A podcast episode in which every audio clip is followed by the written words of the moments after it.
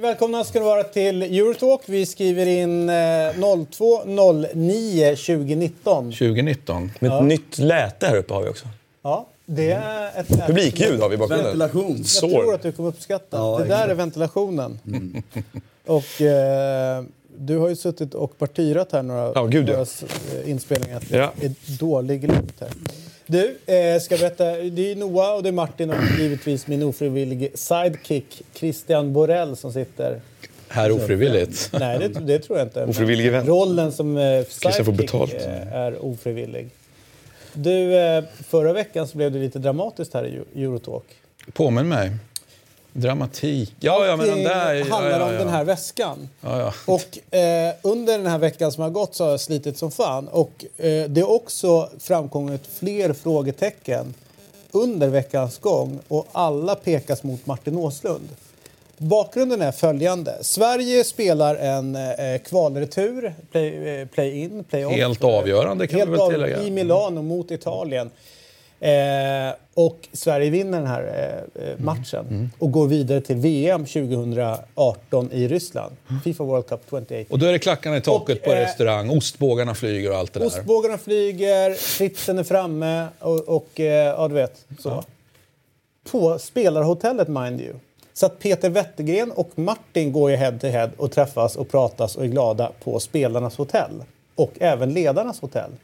Martin då lämnar ju hotellet för att det är just ett spelar och ledarhotell och tar med sig påsen ifrån hotellet där Peter bor hem till sig för att vara snäll.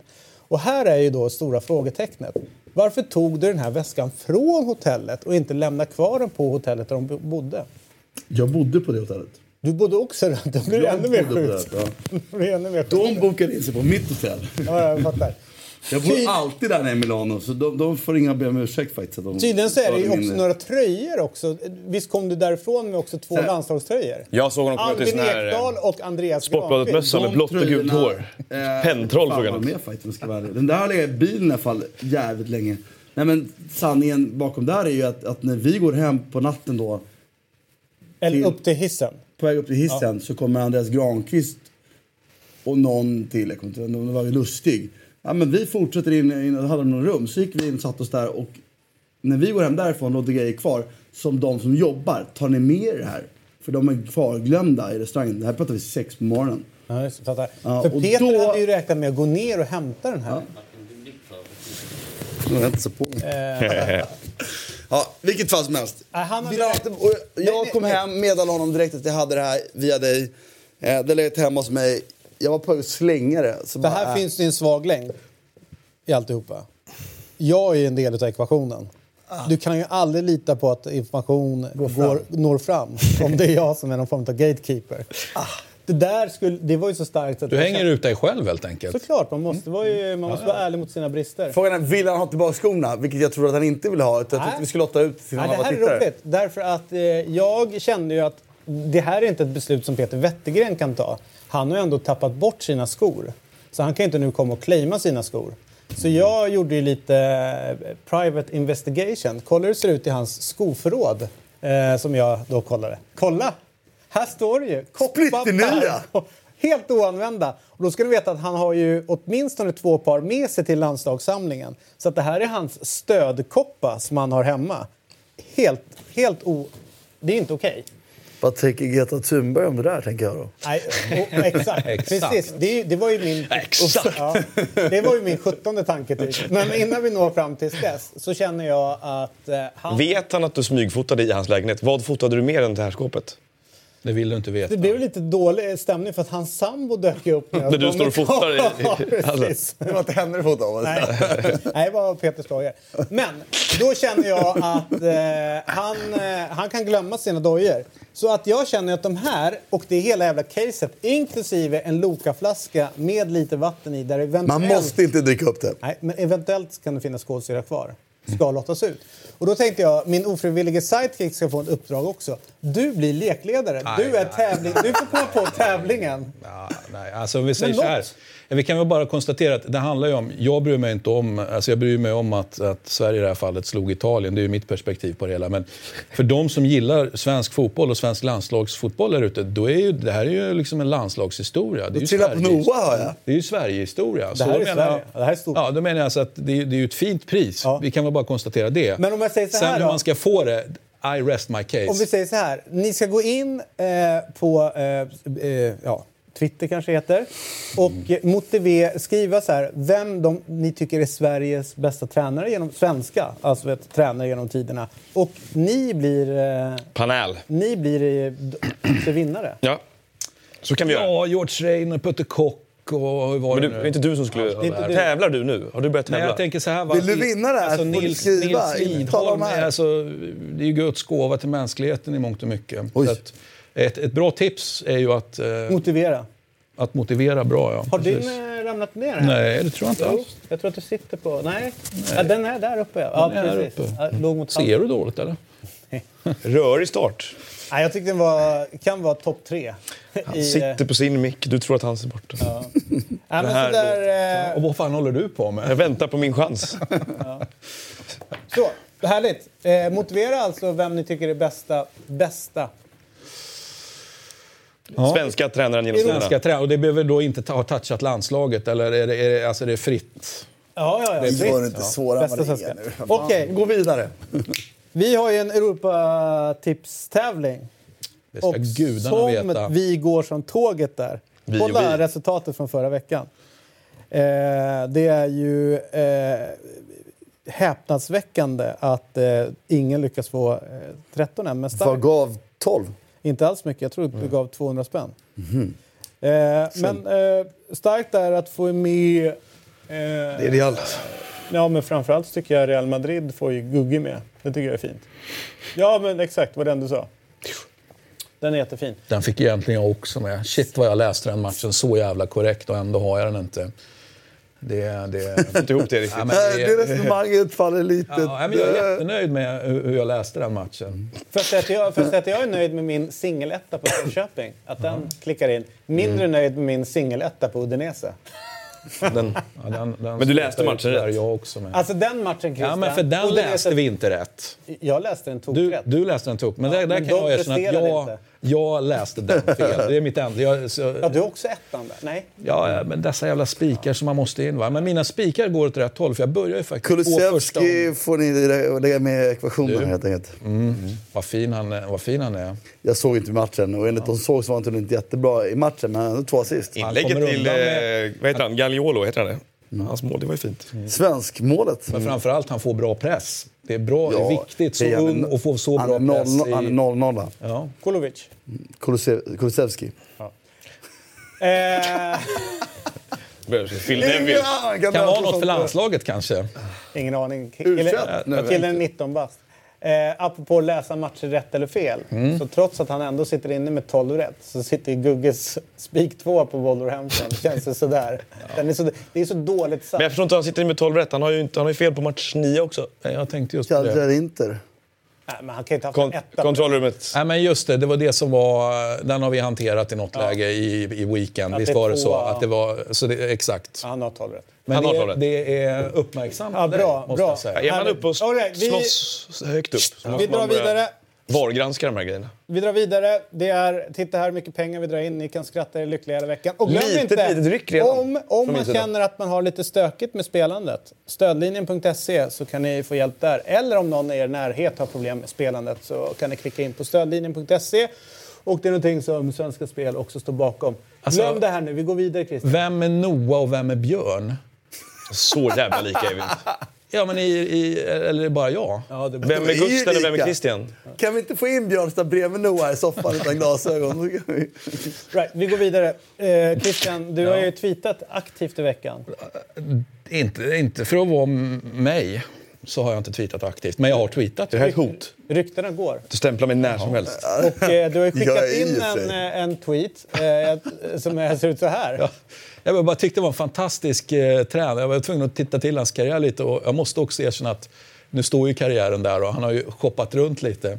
Eh, men eh, visst är det underbart med, med, med vackra bilder egentligen. Jag bara kände att vi skulle hitta ett Bildspråk. Ja, men ett, exakt. Bildspråk, konsekvent återkommande. Kanske ett moment någonstans där vi har den här som... Det här är jag för. Jag, jag kan känna så här, om du tar ansvar för momentet Ja. så kör vi på momentet. Ja, men absolut. Liksom coola, coola tränarbilder. Eller, eller, vi får se vad det blir. Jag bara kände att den här bilden var, den var liksom för bra för att inte För det här få... är rätt tunga ger- pilotbriller. Ja, men det är ju de svinbra. hade, så. Här Slipsen är väl jätteskön också? Ja, det är Va?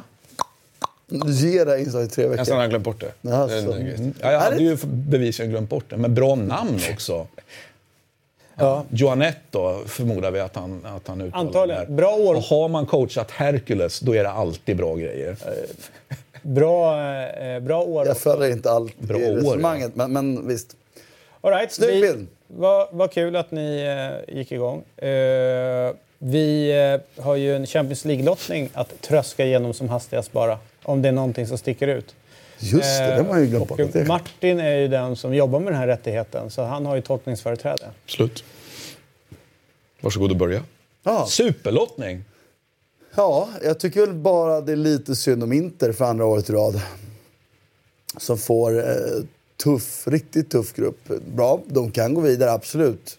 De är ju egentligen bättre i år än föregående år av allt att döma. Eh, och Barcelona står och stampar, det kan vi återkomma till. Och Dortmund trodde man var bättre, men så åkte de på en smäll här och inser man att de har också såna brister. Så det är öppet. Man, vad jag menar är de kunde ha fått en mycket enklare grupp än vad de fick. Eh, sen kan man konstatera att det återigen då finns en grupp som man inte är så jättenöjd med. Som förra året var, var Schalke, vilka man gick vidare i den gruppen? Eh, om det var Besiktas eller... någonting. Men det är grupp G här, är ju, den, den, är ju rolig, men det innebär ju också, för den är rolig att den är spännande och öppen. Och det är roligt att vi kommer få andra lag med, men det innebär också att vi kommer ha i åttondelsfinal ett lag, eh, två lag som kanske inte eh, kan mätas med de andra. Och det skulle vara Kanske, därifrån eh, Benfica eller Lyon eller Leipzig. Vad, hur ser du? Om inte något av lagen har en fantastisk utveckling, men ni förstår min tanke. Otroligt att Shakhtar och City möts varje år. Alltså det känns som att jag Och inte... Liverpool-Napoli. Ja, det är väl en Ja. också. Nej, men vad fan. Jag tycker ju att eh, det är väl kul att det är igång, men det är ju... Man ser ju på en del av de här storlagen att det är inte riktigt nu de är som bäst. Så att vi får väl återkomma lite grann till... Chelsea, Ajax, Valencia och Lille är också en rolig grupp. Ja, faktiskt. Jätte, jättekul. Kunde ju fått mycket lättare, känns det som, än det där. Ja, det är tuffare. Ajax är ju inte men det- samma lag och Valencia är ju inte så Jag vet inte. Jag menar, Inter har varit tuffare att få det läget än, än Valencia. Det är klart att eh, Dinamo Zagreb har varit föredra, eller? Röda Stjärnan, som Steven Warnock satt och proklamerade att det var deltids, alltså amatörspelare. Ja, det är sjukaste. De har haft på riktigt några, några utlägg nu, eh, utläggningar nu på slutet i engelsk tv som har varit häpnadsväckande. Dels att hela VAR-problematiken kommer lösas när, när väl Brexit genomförs. Det är en intressant Det var Ian. Ian Holloway va? Ja. Nej, han sa väl att det var EUs grund av- fel ja, att, det- de att hade det, VAR. Ja, att det har VAR och att det ser ut Eller handsregeln var det han gick till attack på. Att de hade fått I den samband med- pådyvlad med- av Europa. Ja, precis. Och samma med VAR. Och det, det har kommit in och det är Europa. Liksom, det är, Vi måste en, en få göra de våra egna regler vi får från Europa. Och när vi väl då kan bestämma själva efter Brexit så kommer Då det kan bli vi bättre. göra en egen handsregel. Eh, sen var väl Graham Souness ute och snurrade om någonting igår. Ja, han slaktade ju eh, Keane va? I Everton, hans karaktär. Ja, Moise För att han Kean, var- ja precis. Att han, eh, eh, anledningen till att eh, ja, men det är något fel med hans mentalitet. Eh, annars hade inte Juventus släppt honom så billigt. Ja, det finns en återköpsklausul eh, som Juventus Och han är ung, Och för Han hade väl ett år kvar på kontraktet va? Ja. Och Raiola ville att han skulle springa ner det kontraktet och lämna som bossman. Så att det var ju, ja, nej det var... Det är också en intressant take på det. Ja, men, Olympiakos säger jag då, för att byta helt här. Jag såg det i kvalmatcherna. De såg fan rätt bra ut. Körde över Krasnodar va? Ja. Och det är svårt med Krasnodar. Det är ju bra lag tycker jag. Ja. Toppar eh, ryska ligan. All right. Eh, Europa League-lottningen. Vi kollar på Malmös lottning då. Eh, Jag tycker att det känns... FCK tycker jag är en otroligt rolig match. Ja, Ja, det blir och väldigt kul. också en match som eh, man eh, känner att det kan bli lite stökigt runt omkring. Eh, Det finns ju... Skjutningar eller? Eh, Ont, nej, för fan. Vi är i Sverige. Kanske i. Köpenhamn, men i Sverige skulle vi aldrig, aldrig, aldrig skjutas på det sättet. Och inte i Malmö. Men, eh, nej, men där, alltså så här, jag tänker ju att det är en grupp som de kan ta sig vidare ifrån eh, om, om allting studsar rätt. Eh, så. Men det, det är inte så att det är givet att de kommer ett eller två. Men Nej, däremot så det är är det väl... Nej, men alltså en del säger ja, men kolla vilken relativt lättlottig. Men jag känner väl att är det inte roligare att de får åtminstone ett så här publiklag? Panglag, ja. Å andra sidan så är det ju moroten här då att få det i slutspelet istället om de skulle Ja, gå vidare som förra året. Alltså, det är en tuff grupp ändå. Jag tycker det är taget. Det är tuffa grupper. Sen kan man säga att Rosenborgs grupp är klart tuffare. Linz slog ändå ut eh, Mm. Basel på vägen. PSV, okej PSV är inte vad PSV var. Men Sporting, det, det är en tuff grupp. Otroligt att eh, de här... Lazio, Celtic, Rennes, Cluj som slog ut Cluj tog ut eh, Celtic. Celtics var det. Så de möts igen, vad roligt. Dudelange, eller hur är det uttalas? Dudelange, jag vet inte hur det uttalas. De är från Luxemburg va? Skulle jag säga i alla fall. Eh, sjukt att Luxemburg får in ett lag här i Mm. gruppspel. Ja, men det är ju Det är små det är intressant att liksom. om, om man ser de här lagen som är så är det rätt många som är ganska frekvent återkommande Europa League-lag. Och Mm. det, det man kan säga är ju att eh, som är lite roligt att Malmö på något sätt har tagit sig upp på den nivån. Att nu är inte gruppspel ute i Europa något konstigt. Utan det är väl samma, samma eh, grej som för svenska landslaget. Okej, under en period så tog vi oss till slutspel, gott så. Men sen handlar det om att ta sig från gruppen in i, eller från eh, den här delen in i knockout stage. Och det är det som är Malmös nästa steg. Men jag tycker ändå en cool resa de har gjort. Att, det att, landa de, in- att de går in sidade i det här kvalet så pratas mycket om att de fick en enkel lottning hela vägen. Det hade Det de sina skäl, den har de ju tjänat ihop till. Så att, eh, eh, men de har ju, det gäller att kapitalisera på det här år efter år och behålla den sidningen när de går in i kvalspelet så att de fortsätter. Mm. För deras del.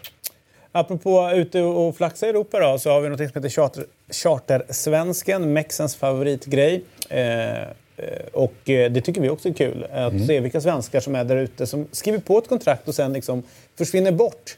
Eh, man skulle kunna tro att de är på en chartersemester i något varmt land eller där det är dåligt väder. Men de spelar sin fotboll ändå. Och eh, då är det så att ni eh, ska ju nominera en spelare och sen så kan ni vinna en, en eh, t-shirt eh, med den här spelarens tryck på. Eh, och ni läser mer på Twitter under Europatipset underscore 1X2.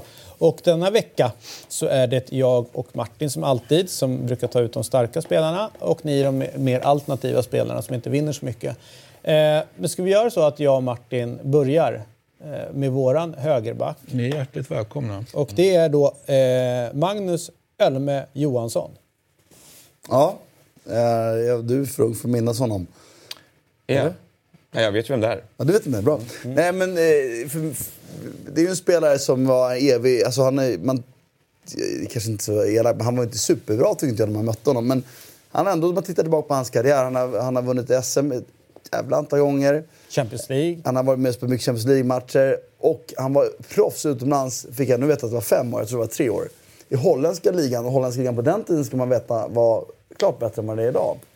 Jag tycker att det är fascinerande med en spelare som... Är, för det, hela det Göteborgslaget var ju ett charterlag på något sätt. Liksom, med mentalitet sådär lite. Eh, vi fick ett jättebra förslag. Vi har inte redovisat vinnarna va, för målvakterna. Nej, vi ska göra det. Så. Ja. Jag fick ett jättebra förslag som någon tävlade in med Bengt Andersson. Så jag tänkte bara, jag vill fortsätta på den trenden. Ja, jag håller med. Mycket bra förslag, Bengt Andersson. Hela Göteborg var, är ju charter. Det var ju charter på. Attraktive Bengt. Ja. Eh, nej, men det är bra. Och han Eh, var en, eh, det, det är verkligen en bortglömd spelare som då ändå har mer Champions League-matcher, mer SM-guld, mer proffsår än de flesta andra, men som jag tror få. Jag tror att Nobba tank, absolut inte och med tanke på Ja, men de blå- Blåvitt. Dessutom, så var det exakt. helt absurt ändå. Jag måste erkänna så här, för du är klar nu, eller hur? Ja. Eh, Du får gärna fylla på Christian. Nej, jag, jag fyller på och är otrevlig. Jag säger så här, ja, på den tiden när han spelade eh, och jag behövde se honom, jag avskydde eh, Du stärker ju våran motivering. Ja, Men var det det pannbandet han körde med som du störde dig på? Allt. Eller? Han körde i- Hela, i- emellanåt en hela, liten... hela det i Göteborg, för att, för att vara väldigt tydlig. Nej, de, de, de, de, Det- eh, nu, det nu, måste jag erkänna. Ja. Jag hade, det var väldigt tydligt. Ja. Vilket jävla skitlag. Men eh, det, det får stå för dig nu, Christian. Jo, jo, Det här är ja, alltså inte vårt lag som Nej. pratar. Vi är ju ärliga här idag. Ja, Du, du- du, börjar med att vara tokärlig och så har vi Ja, ja, vi på den här ja, väldigt härligt. ärliga. Okej. Ja. Det ärliga Eurotalk. Jag ber om ursäkt, Nej, nej, nej. men jag avskydde honom. Det är ett bra jag tema. avskydde IFK Göteborg. Det är ett bra tema för dagen. Jag vill bara säga, Ölme är ju smeknamnet på honom och det fanns ju en annan Magnus Johansson eh, samtida i Blåvitt. Eh, Magnus Lilltidan Johansson som var alltså då son till Tidan Johansson som en gång spelade i Blåvitt. Och han var spelgeniet. Eh, Lilltidan? Lilltidan, ja. Ja, det tycker jag. Men Ja, men det- Ölme var ju i- bättre, i det var hade han ju bättre karriär. ja. då. Ja, i det där laget. Innan Ren kom. Ölme var ju en, eh, Ja, ja, han var gnetare. Men det roliga var, eh, Roger Gustafsson har en gång sagt det, att anledningen till att de kunde spela den typen av fotboll som Blåvitt gjorde, eh, som inte egentligen var speciellt revolutionerande, men det var ju intressant för att de stod ju på halv, halva plan med sin backlinje, alltså extremt högt upp. Och då sa han det att när han kollade på sina, på sina fyra backar, då sa han så här, det finns ju ingen eh, forward, oavsett vilket lag vi möter, som är eh, snabbare än alla mina backar. Det var Kåmark, det var Ölve, det var Jocke Björklund och så vidare. Så alla hade ju ganska bra fart, så då var det ju liksom så. Sen har jag jag hörde en annan rolig grej om detta Blåvitt på 90-talet där spelarna någonstans kände att vi vill börja spela på ett annat, annat sätt, alltså mer possession och hålla i bollen.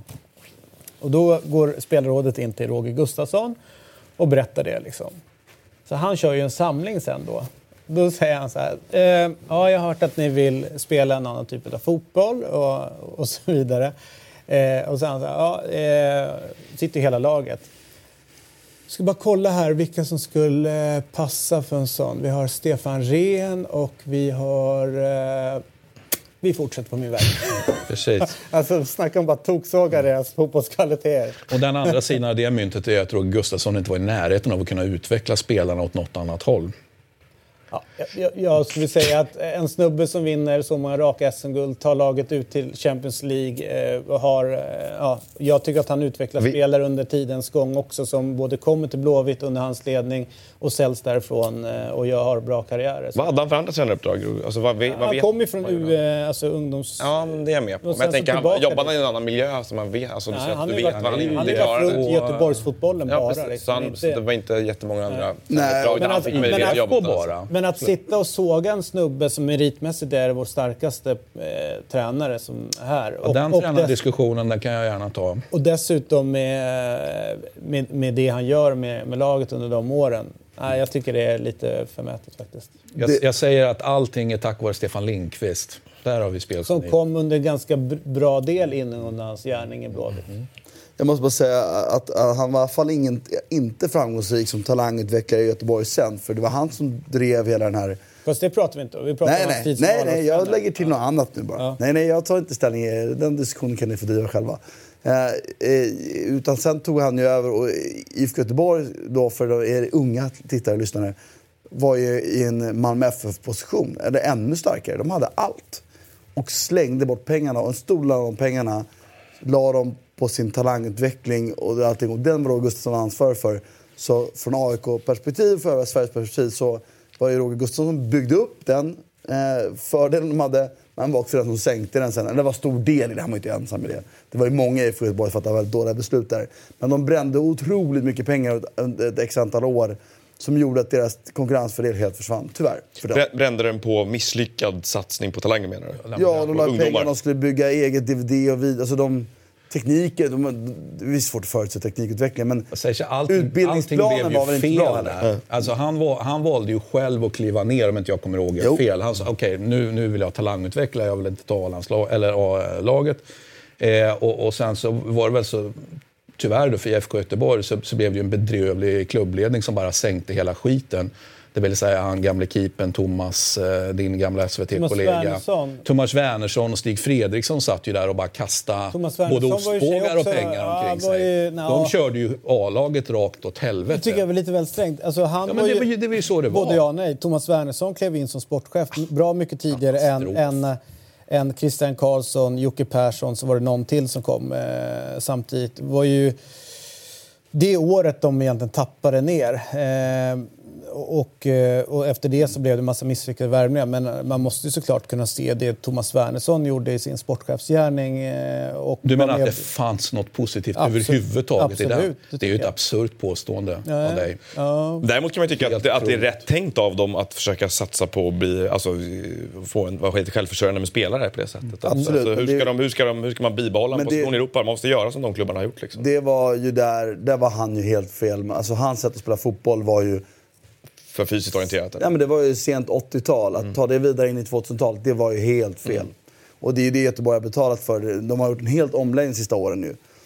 Men det är ju lätt att sitta och vara efterklok. Sen la de ju, alltså, att pengarna försvann var ju också mycket för att de byggde. Om jag, alltså, nu, jag går på Men många av de som kommer fram nu eh, har gått igenom hela fotbollsskolan. Skolan blev ju exponerad av Rogers tänk de första åren innan de sen bytte över. Men, men det är klart att den satsningen inte var positiv för klubben i stort och det brändes väldigt mycket pengar under den tiden.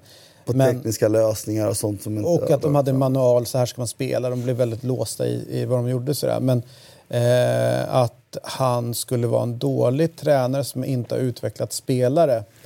Det skulle nog vara Jag kanske sa att det mest var den andra- stökigaste kommentaren jag hört på andra länge. sidan av myntet på det du sa. Det var det vet. jag sa.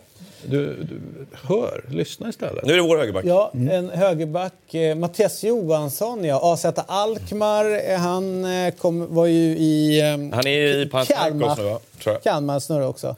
Och var i Panathinaikos, eller är Panathinaikos nu. Var i Alkmaar innan. Konstig karriär på honom. Eftersom han, eh, vi pratade om Men honom. de, alltså, han är ju bara 92 så han har ju chans fortfarande. Han är 27 va? Men det är ju ett bråk där, verkar det som. Har varit. Med landslagsledningen. Han har ju sagt, jag- han har väl sagt, det var väl ett och ett halvt år sedan han pratade om det här sist tror jag. Med svenska medier i alla fall. Att han är, vill in i landslaget och vill spela i landslaget. Men det var i samband med att han tackade nej till U21-matcher under Håkan Eriksson. Jag tror det var precis innan hösten innan de vann U21-guldet så eh, ville han inte vara med för att han hade varit med i A-landslaget och tänkt, tyckte att liksom, U21-tiden, motivationen fanns inte där. Och sen så har det skurit sig därifrån. Men han har ju presterat bra. Han var ju högt aktad i holländska ligan när han spelade där. Eh, och alla som såg mycket av den tyckte att han var presterade på en bra nivå. Och vi har haft högerbackar som har eh, presterat och inte presterat på andra nivåer. Som har varit med i landslaget. Så det är lite, lite besynnerlig, besynnerlig historia. Och han är verkligen en karriär i radioskugga. Därför det blir lite grann sådär att man... Vistas man inte i landslagsdiskussioner överhuvudtaget. Den frågan kommer upp var tredje år. Typ, så här, men ha, har ni tänkt på honom? Och så är det så här, ja vi vet att han är där. Liksom. Han verkar inte dugg aktuell. Han testas ju inte ens. Liksom. Nej. Nej, så är det. Eh, Christian, eh, har du någonting att tillägga till denna Nej, jag är, jag är så jättenöjd med... För No- Noah var så... Jag är glad när Noah är glad. Va? Sen Mm. tycker jag det är kul om han får, får lite jobbigt ibland, Noah också. Men jag, jag, Noah var så glad när vi tittade igenom det här laget direkt efter vi började prata om det. För ibland har man svårt att hålla kontakten under veckorna. Så säger, ja, men vi, vi, vi kör en worst case 11 så att vi har täckt in alla platserna.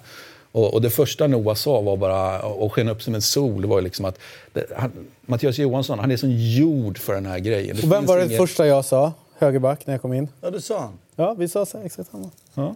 Så valde ni Elme. Men är det Så går det när man kommer sent till... till eh, Ja, men man kan ju, men han är ju bortglömd. Alltså han är ju inte Ja, där. ja, men det inte, inte... jag, jag tycker göra bokslut på någonting som inte... Bokslut gör vi väl inte? Konstigt att han är bortglömd här. All right, helt rätt. Han är bortglömd, inget bokslut. Ni går in och röstar under eh, hashtag chartersvensken på Twitter. Och all information finns under Europatipset underscore 1, kryss 2. Och eh, sen kan man vinna en tisha med eh, spelare på här. Häftiga grejer, gör det. Nu ska vi ta oss till eh, Spanien. Fan.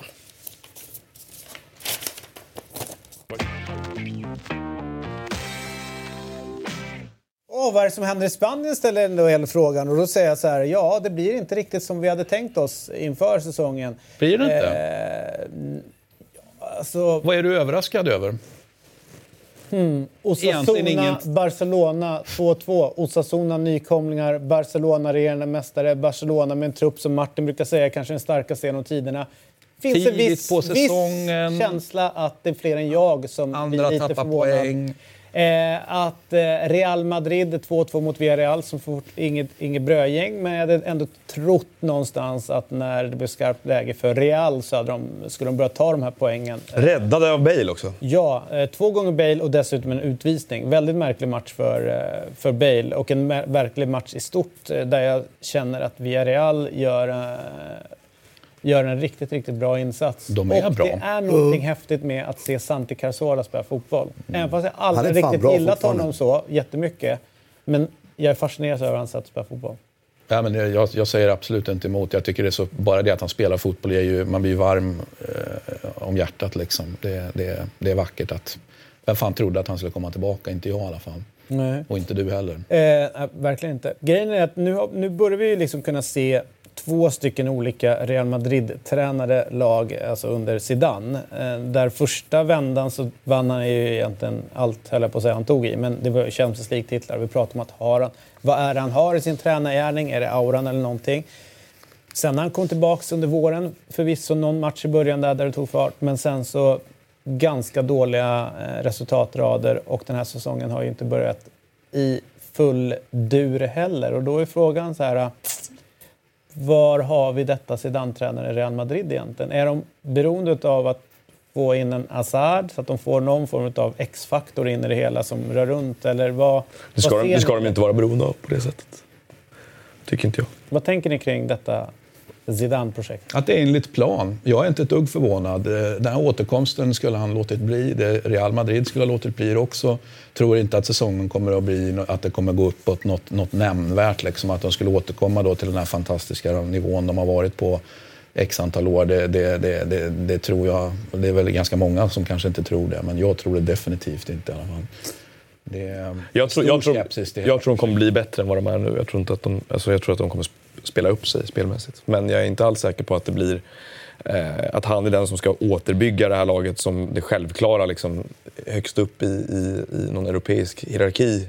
Som ändå måste sägas vara målsättningen såklart. Framförallt med tanke på vilka, alla förutsättningar så som är nu och, och i läget han kommer tillbaka och med ombyggnation på, framför sig och alltihopa och peka och välja spelare här och där. Och så där. Det, det, har varit, känslan är väl att det har varit lite oroligt och han känns lite missnöjd och, och att det har varit lite för mycket eh, saker om att ja, vem skulle kunna ta över om han sticker redan och sådär. Det låter ju besynnerligt. Det låter lite som att, som att han kom tillbaka på en premiss som kanske inte verkar gälla längre och sådär. Men sen tror jag inte man ska dra för stora slutsatser av resultaten så här dags på säsongen heller. Att jag tror att de, de det är för många bra spelare fortfarande i det här laget och han har, är det någonting som han har så tror jag att han har liksom, eh, karisman eller vad man ska kalla det för, för att, och, och förståelsen för den här klubben för att få fason på saker och ting så småningom. Alltså, Och- mm, förlåt. Nej, jag är väl nog klar. Det är just det där så småningom. Men- alltså, men- men Real Madrid han är har ju inte han har så småningom Men får klubb. man liksom- Han får väl tid på sig. Vi, jag tycker att comebacken var fantastisk. För det är just det här vi ville veta. Jag ville veta, för jag kunde ju... får ju facit, absolut. Exempelvis, det gick ju inte att peka på saker han gjorde bra i spelet. Jag tyckte inte det. Men det var bra i Champions League. De vann inte ligan å andra sidan. Därmed jag tycker metod över tid. Alltså en bättre tränare vinner. Ligan är svårare att vinna. Därför du måste vara över en hel säsong vara bra. Utan du toppar under en viss period är lättare att göra. Om än väldigt svårt såklart. Men så jag tycker det är en fantastiskt eh, att vi fick den här återkomsten. Vi får ju svaren som du är inne på Christian. Och jag tycker svaren ser man ju redan nu. Jag, jag kan redan nu säga att, att grundspelet har han inte. För det finns, han fladdrar ju. Nu spelar han 4-4-2 i år helt plötsligt. Och du hör intervjun efteråt att de spelare säger att vi är inte vana att spela 4-4-2 men vi löste det ganska bra. Och då är vi ju precis det här som var en, min, min farhåga. Att, att, att, han har ju ingen riktigt tydlig spelidé utan det handlar rätt mycket om att individerna ska lösa saker. Och då är helt plötsligt spanska topplagen blivit de brittiska topplagen för några år sedan. Det bara öser in pengar utan tanke på spelare, vilka ska spela. Jovic, vad fan, varför köpte man honom för? Jag förstår faktiskt inte det. Hazard, är han bättre än Bale för att lösa de här sakerna? Alltså han är bättre spelare med boll, men han gör inte poäng som Bale gör. Det tror inte jag.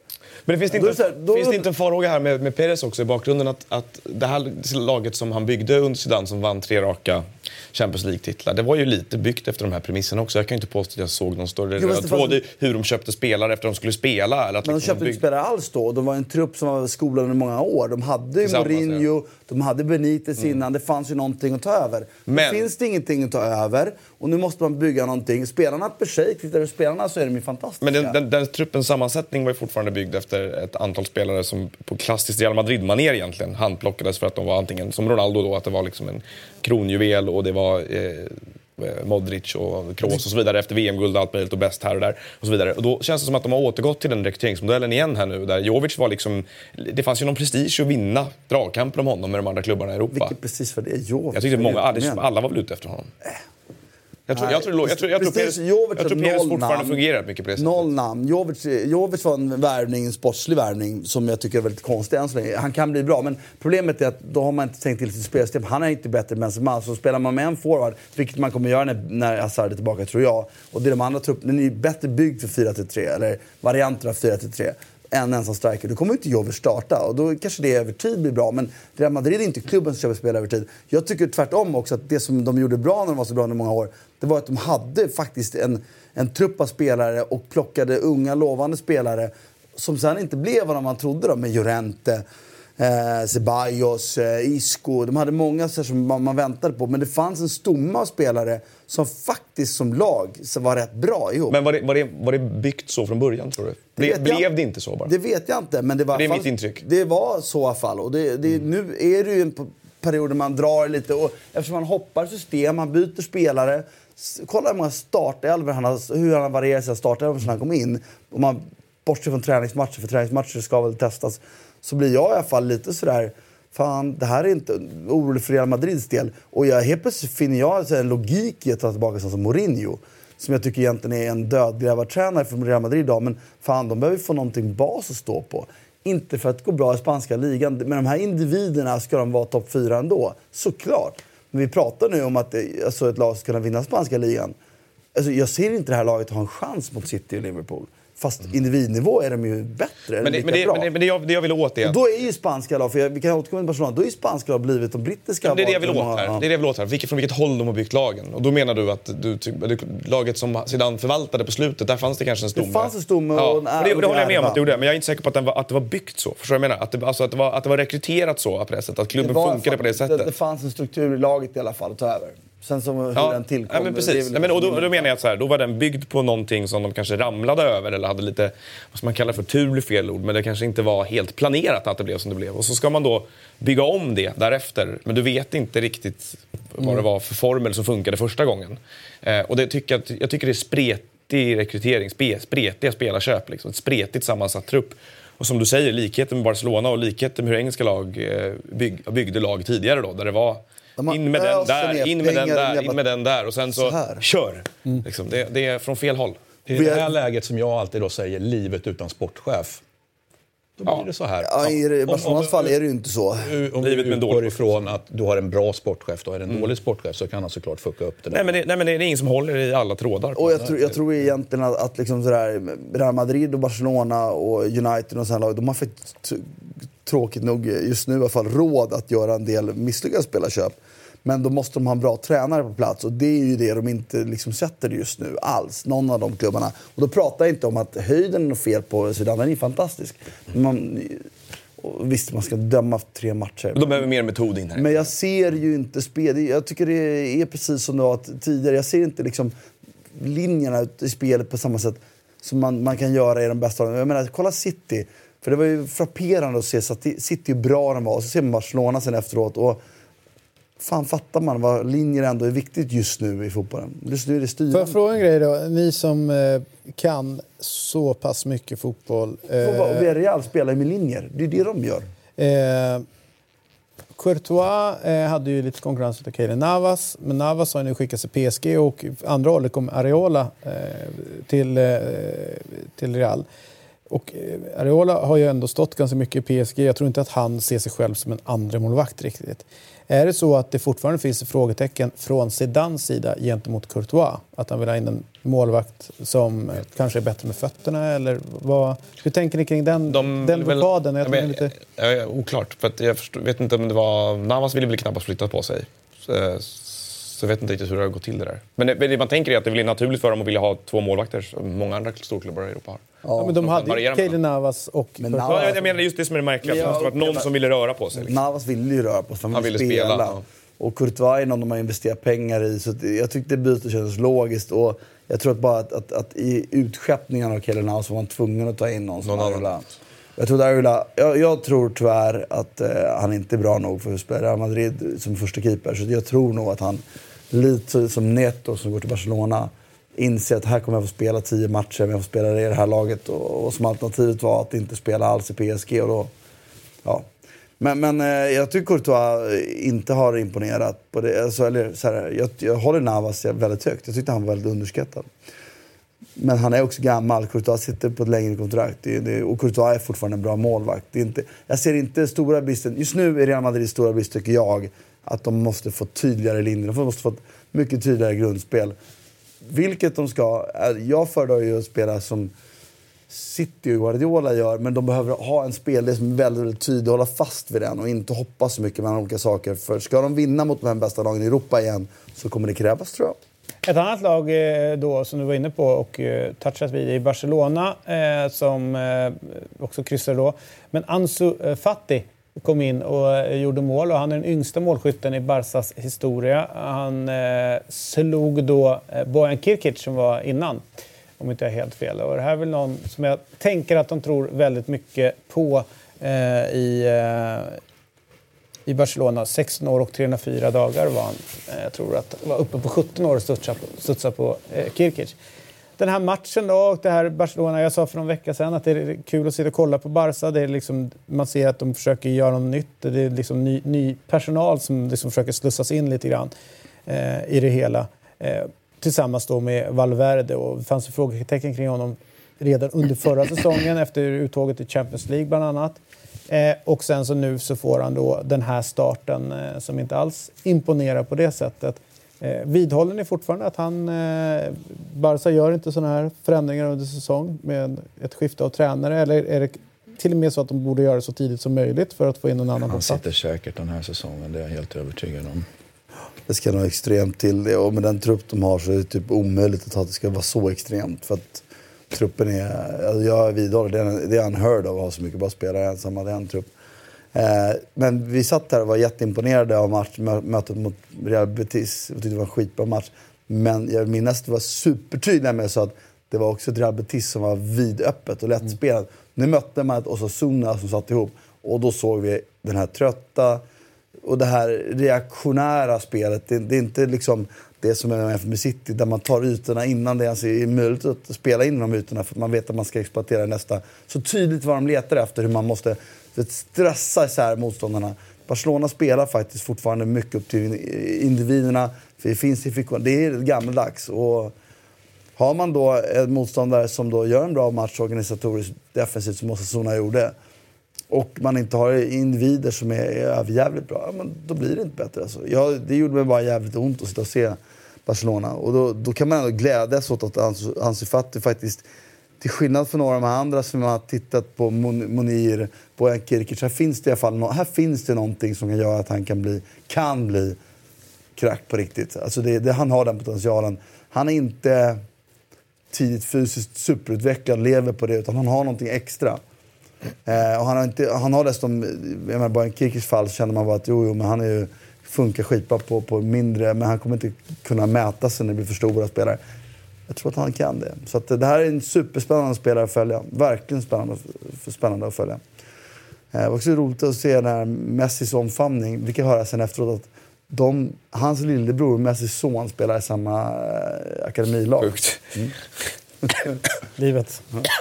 Eh, man får sen tänka att det är ganska bra om man tänker läromästare och man hänger mycket med, med Messi och var 16 bast och kom in i, i Barca och sen så bara, nej men jag hänger lite grann med Lionel här. De Han ger mig lite små tips hur man ska spela fotboll. Och det de säger om honom, och, och jag läste om det var, mm, vad hette han nu då, som Andres, vad gick, till målvakt massa år i Barcelona som var i- med United sen. Valdes. Valdes, tack. Som nu är U19-tränare, tydligen tränat honom. Han sa att, att, att det, är, det han verkligen har är att han har ett enormt starkt huvud. Han är he- helt orädd för allting och, och liksom tar till sig utmaningar på ett väldigt bra sätt. Och det är precis det man behöver ha. För just nu så kommer han jämföras med Messi överallt och liksom förväntningarna på honom kommer vara så jävla höga. Det som avgör om han har en chans att bli det, nu är det huvudet som är det viktiga. Liksom. Talangen har han. Nu är det hur bra han kan hantera huvudet. Så kan driva honom själv i utvecklingen. För det är ju det viktigaste i den lägen. Och det säger de då, som ska inse att, att han, han verkligen ska ha. Liksom. Finns det någonting, alltså det, det är lite intressant att se de två storklubbarnas här olika vägval någonstans. Vi pratar om Eh, Real Madrid och vi, direkt så pratar vi värvningar och, och liksom vad man ska försöka få in. Det är klart att Barcelona också värvar, det, det är ingen snack om saken, de har alltid värvat för mycket pengar. Men är det inte lite spännande att se att de ändå vidhåller den här, eh, okej okay, vad har vi nere på eh, i akademin, vad kan vi plocka upp? Alltså, vi har ju sett några spelare nu komma fram i upptakten av den här säsongen som på något sätt får chansen att slussas in och, och liksom spela sin fotboll i, i sin klubb. Att de är väldigt tydliga med det. Vi ser ju inte alls lika många egna produkter få chansen på samma sätt i, i Real. Ja, det är väl ett, men i hans fall så känns det också som att det kanske eh, är ett kvitto på hans, hans talang med, med tanke på den konkurrenssituationen som de har i det laget. Med tanke på hur många spelare de har, har och har plockat in och vilken kaliber det är på dem. Så att man då är 16 år och kan konkurrera, det tyder ju på... Jag menar, de, de håller inte på med välgörenhet. De spelar inte honom för att vara snälla mot honom. Utan tvärtom då, det, det krävs ju en exceptionell talang. Så, så jag vet inte om jag håller med om att den är rättvisande bara för att han får spela. De, de har väl en tradition att plocka upp spelare, men jag tror fortfarande att... Ja, men vad heter han? Peres, vad heter svårare, han? Vänster... Ja, han får eh, också varit bra. Han får också Mm. spela också med... Ja, det är sant. Ja, det är de ju... Men jag tror att en skillnad är, för jag, jag tror faktiskt att siffrorna är så att Real Madrid är, när du, när du sammanställer eh, akademier, är bättre eller lika bra som Barcelona på att få fram elitspelare till, till världsklassligorna. Eh, dock inte i, i deras eget lag lika mycket. Och en skillnad är att Barcelona utbildar sina spelare på ett väldigt speciellt sätt. De spelar ju ändå lite mer utpräglat på ett sätt alltid. Där Real Madrid har mer pragmatiskt. Där då deras typer kanske... Liksom, vi har ju sett omvänt att flera spelare som varit bra i Barcelona går till andra ställen och faktiskt inte är så bra. Eh, som de är där, för att de passar väldigt bra in i deras modell. Liksom. Så det, det, det, värvning. den viktningen är för att man ska komma ihåg att Real Madrid har lika bra akademistatus eller utbildningsstatus som Barcelona har faktiskt. Men de kommer inte fram och används inte samma, i klubben i samma utsträckning. Så det är sant. Jag bara säger det att Barcelona, jag tycker Barcelona egentligen har de har gjort, ett ganska bra fönster. De har ju till och med lyckats städa ur, till skillnad från... från eh, det är inte slut än heller. Ehm, till skillnad från om vi tar Juventus till exempel, där en, en sportchef som sitter med alla... Han sitter med huset fullt nu. Han har, han har, full. han har, han har misslyckats. Det här Barcelona har faktiskt gjort ganska bra, fast man förköpte sig lite i panik efter Neymar-flytten för några år sedan. Eh, och jag tycker också bra att Neymar flyttade in. Jag vill gärna ha Neymar tillbaka till Barcelona, men skulle han komma in nu med den liksom, lite för fulla besättning som finns där, då är det ju hans tid han snor bland annat. Eller han snor många andras också. Men då hamnar, för nu är det ju så. Eh, Griezmann, eh, Messi, Suarez. Ja, men visst, där har du tre som kan starta, vara första val. Eh, man har ställt ut Coutinho fint. Dembélé som ett alternativ. Fatti som ett alternativ. Perez som ett alternativ. Det är bra nog för att vinna allt, skulle jag vilja påstå. Eh, det är klart att Neymar hade höjt det till, men den marginalnyttan kanske kostar mer. För att om det här, om det här skulle vara crackspelaren så behöver han ju få tio inhopp i år och kanske fem starter. Liksom. Och den det pratades mest om eh, utav de här unga då, han heter Xavi Simons. Han, eh, som, jag tror du har sett honom i, under Lennart Johansson Academy också. Eh, var ju liksom deras, alltså hela, La Masias liksom stora, nästa stora spelare. Eh, han blev ju värvad i somras utav PSG. Så han tog ju liksom hela sitt Nike-kontrakt och alltihopa och drog till Paris och, och liksom klädde på sig där. Så att Ingen bra signal. jag, jag tror att de är rätt nöjda Han med att få fram en en, karriär, en på något annan sätt, liksom, från den årgången där. Och om inte jag helt fel, för de som har varit och kollat då på eh, Lennart Johanssons trofé ute i Solna så har vi ju sett honom spela här på. Det, är möjligt, det har jag ingen koll på faktiskt. Lite roligt. Eh, du, eh, Eh, ibland så kommer nyheter som eh, bara golvar en eh, och det gjorde det i helgen på ett negativt sätt. Och det var ju Enrique som gick ut med att hans dotter till slut då gick bort, nio år gammal och det var på grund av cancer. Och någonstans så känner jag att i samband med att han klev av liksom sin förbundskapten och tog en timeout så blev det liksom så här, resultat och så började spekuleras ganska mycket runt det hela.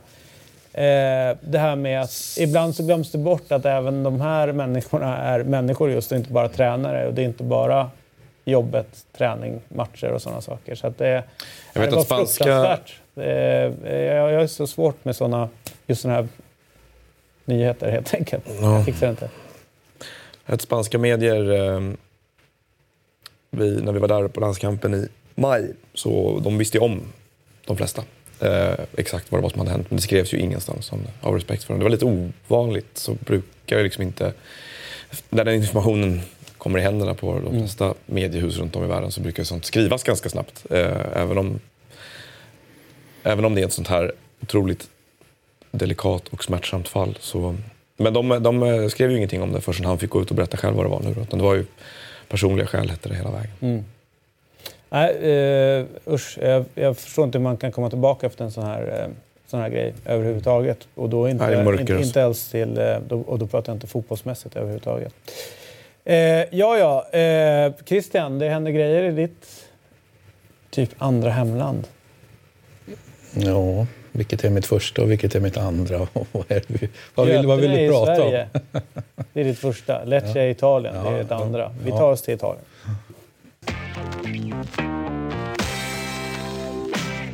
Eh, och jag tror att det var förra veckan jag pratade om vilken jävla propaganda de håller på med där nere från, eh, för den italienska eh, fotbollen. Och, och då, ja, men då i lördags då bestämde de sig för att ja, men nu kör vi ordentligt. Eh, och fan vad det gick undan på...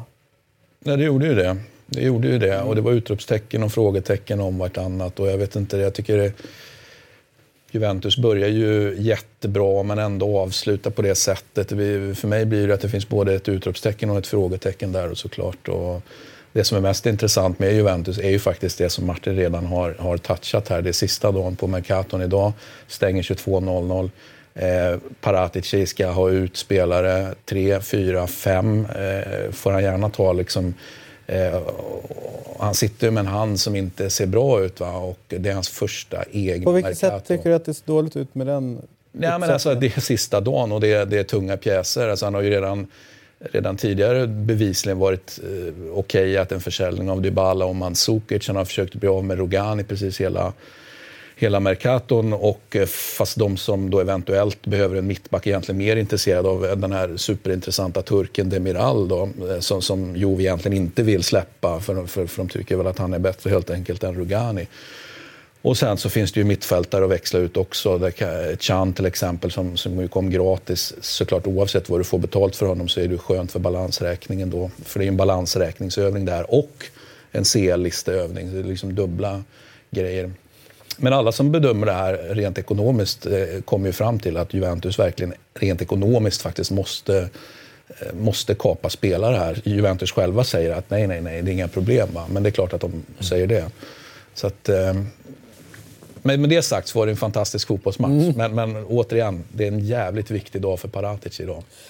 Det känns ju som att en sån här typ av matchbild där man, eh, alltså där Juventus, tycker jag, då planenligt tar ledning och, och gör sin grej trots att de har en ny tränare på, på, på posten och så.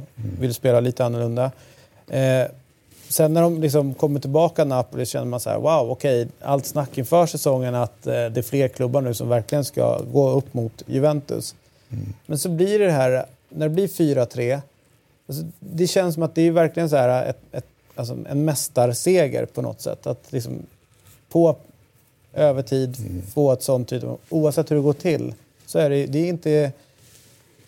Det är, där det är inte märkligt att det är Juventus som får in liksom, den bjudningen. Men det är den gamla klassiska eh, klockreklamen då, “Don't crack under pressure”. Det är, ju egentligen, det är väl egentligen det Koulibaly eventuellt gör. Då, liksom. det, det är typiskt att det inte är en Juventus-spelare som gör, gör motsvarande grej. Men jag tycker, om vi håller oss för mittbackarna så blir det ju superspännande. här. Nu råkar Koulibaly vara en av mittbackarna, men om vi tar de vitsvarta mittbackarna så fick vi ju eh, vad som kan bli en förödande skada faktiskt. på- Korsbandet på. Ja, det är ju lång, långvarig skada och eh, nu när vi fick se Delict från, från, eh, från start här också fick vi också se, och det har vi sagt i programmet och i andra program, att han behöver spela sig in i ett nytt land, ett nytt lag, ett nytt spelsystem och så vidare. Och han, eh, än så länge lämnar han ju mycket övrigt att önska. Sen är det klart att han är en fantastisk mittback, men, men alltså det kommer att bli jobbigt. Och vem ska då ledsaga honom i det här? Ja, det har varit fan så mycket bättre om Chiellini hade ledsagat honom och liksom skolat upp honom än att Bonucci ska skola upp honom.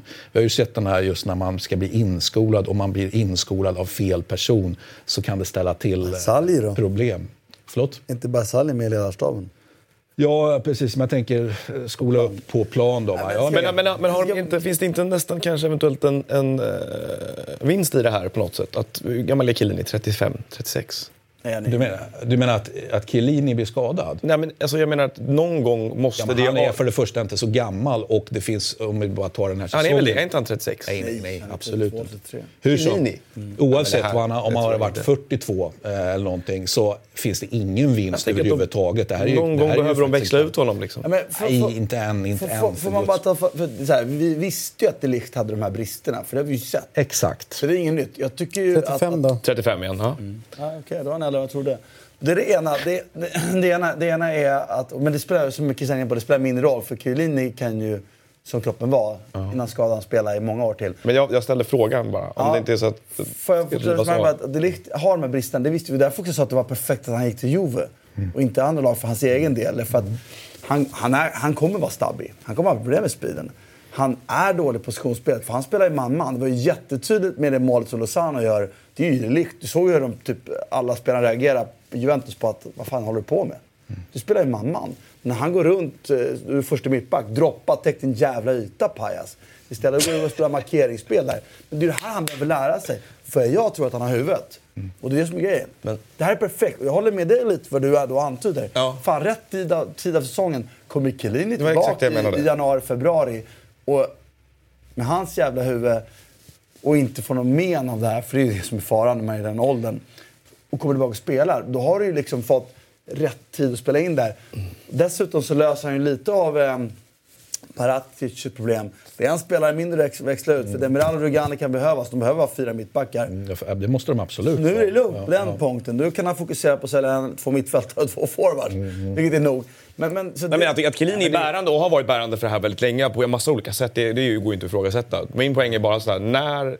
Du måste ju på något sätt hitta en lucka för att spela in det likt här. Och, Och, och nu, när och hur. Och nu, och nu kommer luckan. Så, så, så, luck, det kan ju vara bra, men jag tror, jag tror fortfarande om vi tittar att man ska nå sportsliga resultat under den här säsongen och vara Juventus. Då finns det liksom ingenting bra med att Chiellini liksom Inte spelar. växlas ut. Om Men, han är men tillbaka i januari, februari så är det ju... om han är det, ja. Men Om. vi, vi får se. om. Det, Det det, det kan ju ta längre tid än så. och sen, sen får vi väl också erkänna att det har ju, finns ju spekulationer faktiskt att, att Paratici då är så, blev liksom då så stressad över det här så att han leker med tanken att faktiskt ta in en mittback till och ändå liksom ha kvar så att eh, det här Rogani-problemet då som eventuellt hade löst sig själv genom att ah, nu är vi tvungna att ha kvar honom, att han kanske ändå inte är nöjd med det. Ja, det, vore, det, vill- det vore just det, och det tror jag inte. Och jag kan återkomma till det. Men jag tycker att De Ligt har huvudet för att lära sig de här grejerna. Jag tror att, eh, att det och kan nu vara- får han jättemycket Nu får han speltid. tid. Och det är bra. Juventus- Chiellini skadad, Juventus- inte bra. Juventus kommer klara sig serien tillräckligt bra. För nu har de redan ställt av en av de svåraste motståndarna. De kommer vara med toppen eh, inom räckhåll att vinna titeln när, när Chiellini är tillbaka, om han kommer tillbaka. Och, och de ska klara sig i Champions League. På det sättet är det ju tur i oturen. Eh, det är ett större problem, om vi håller kvar Juventus, det du nämner. För att de gjorde ett, en, en Financial Fair Play-förlust den, föregående år. Du vet man får de här löpande treårsunderskotten.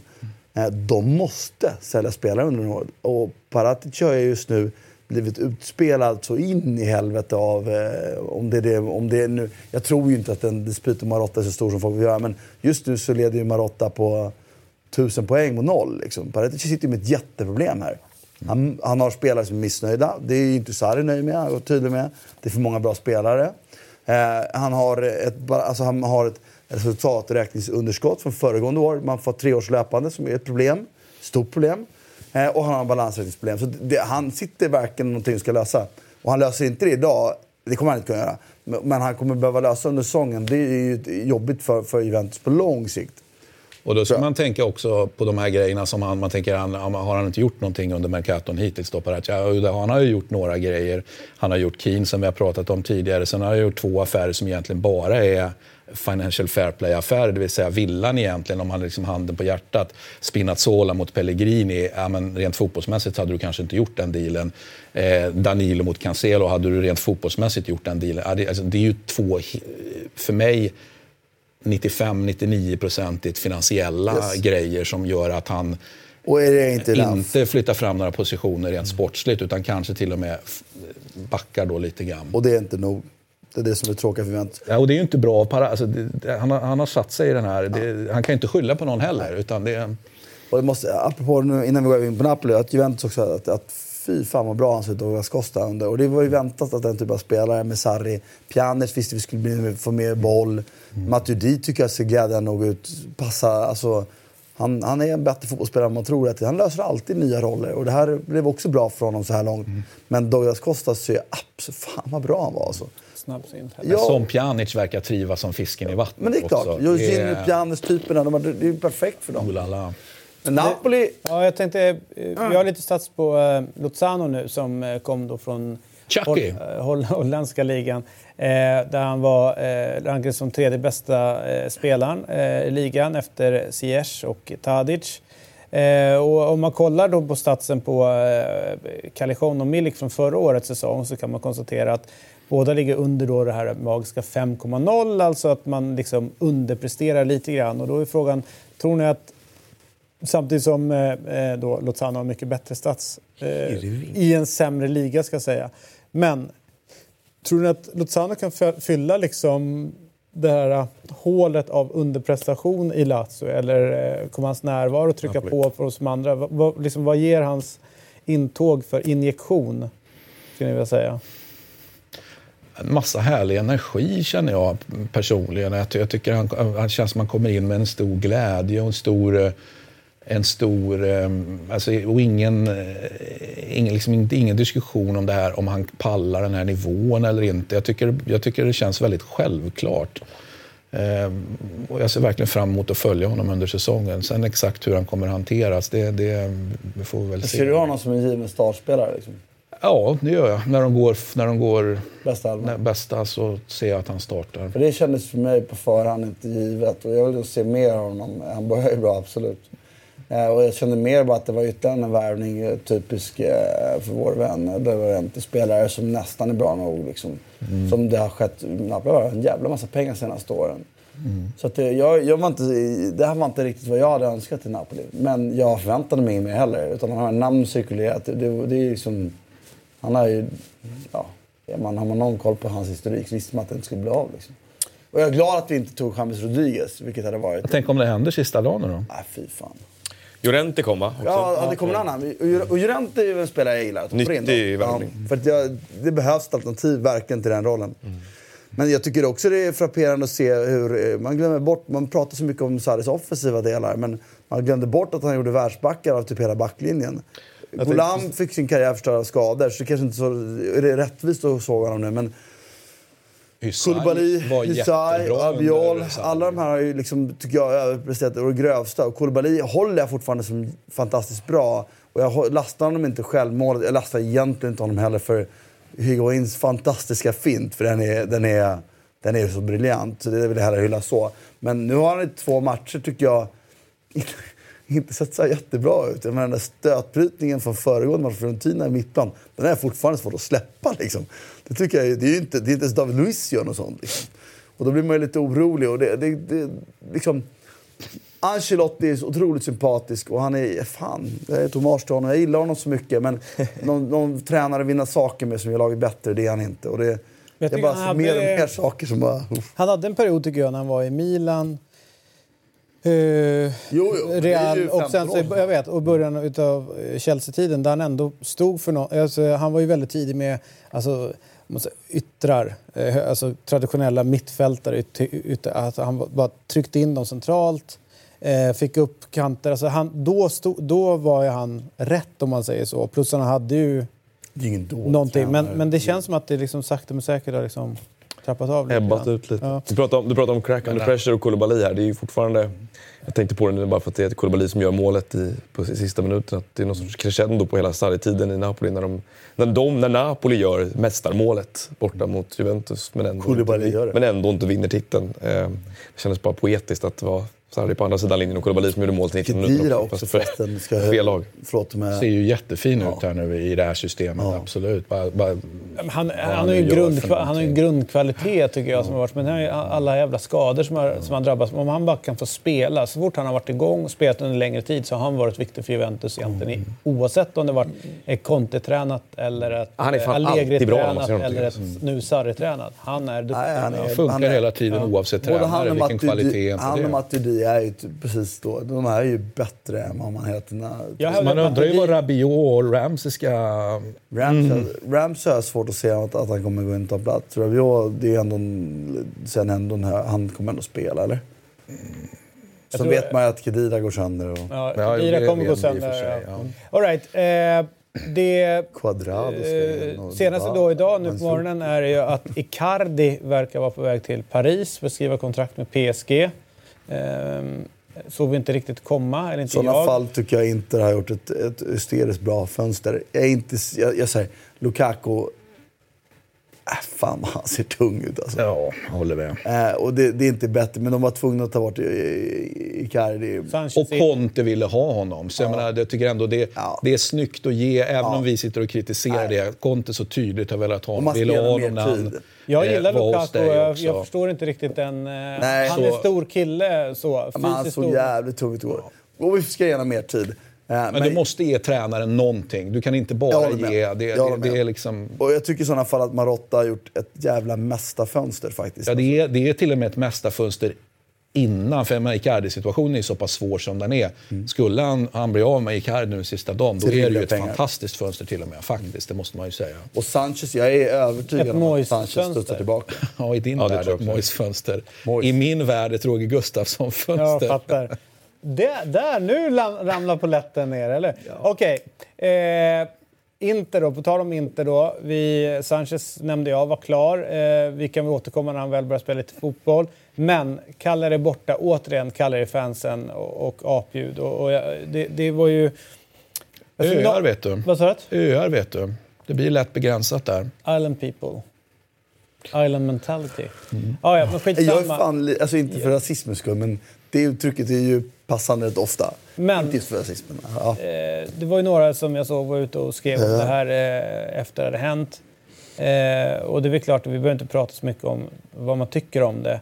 Men däremot vilka konsekvenser det bör få för en, en, ett lag. Eh, och jag, om jag får börja så såg jag att en del sa så här. Vi måste börja straffa klubbarna genom att stänga ner läktare. Det ska vara eh, reducering utav eh, ja, med antalet som får komma in, det ska vara högre böter och sådär. Och då är jag tillbaka där, den här kollektiva bestraffningen som ändå blir, som jag har lite svårt för. också.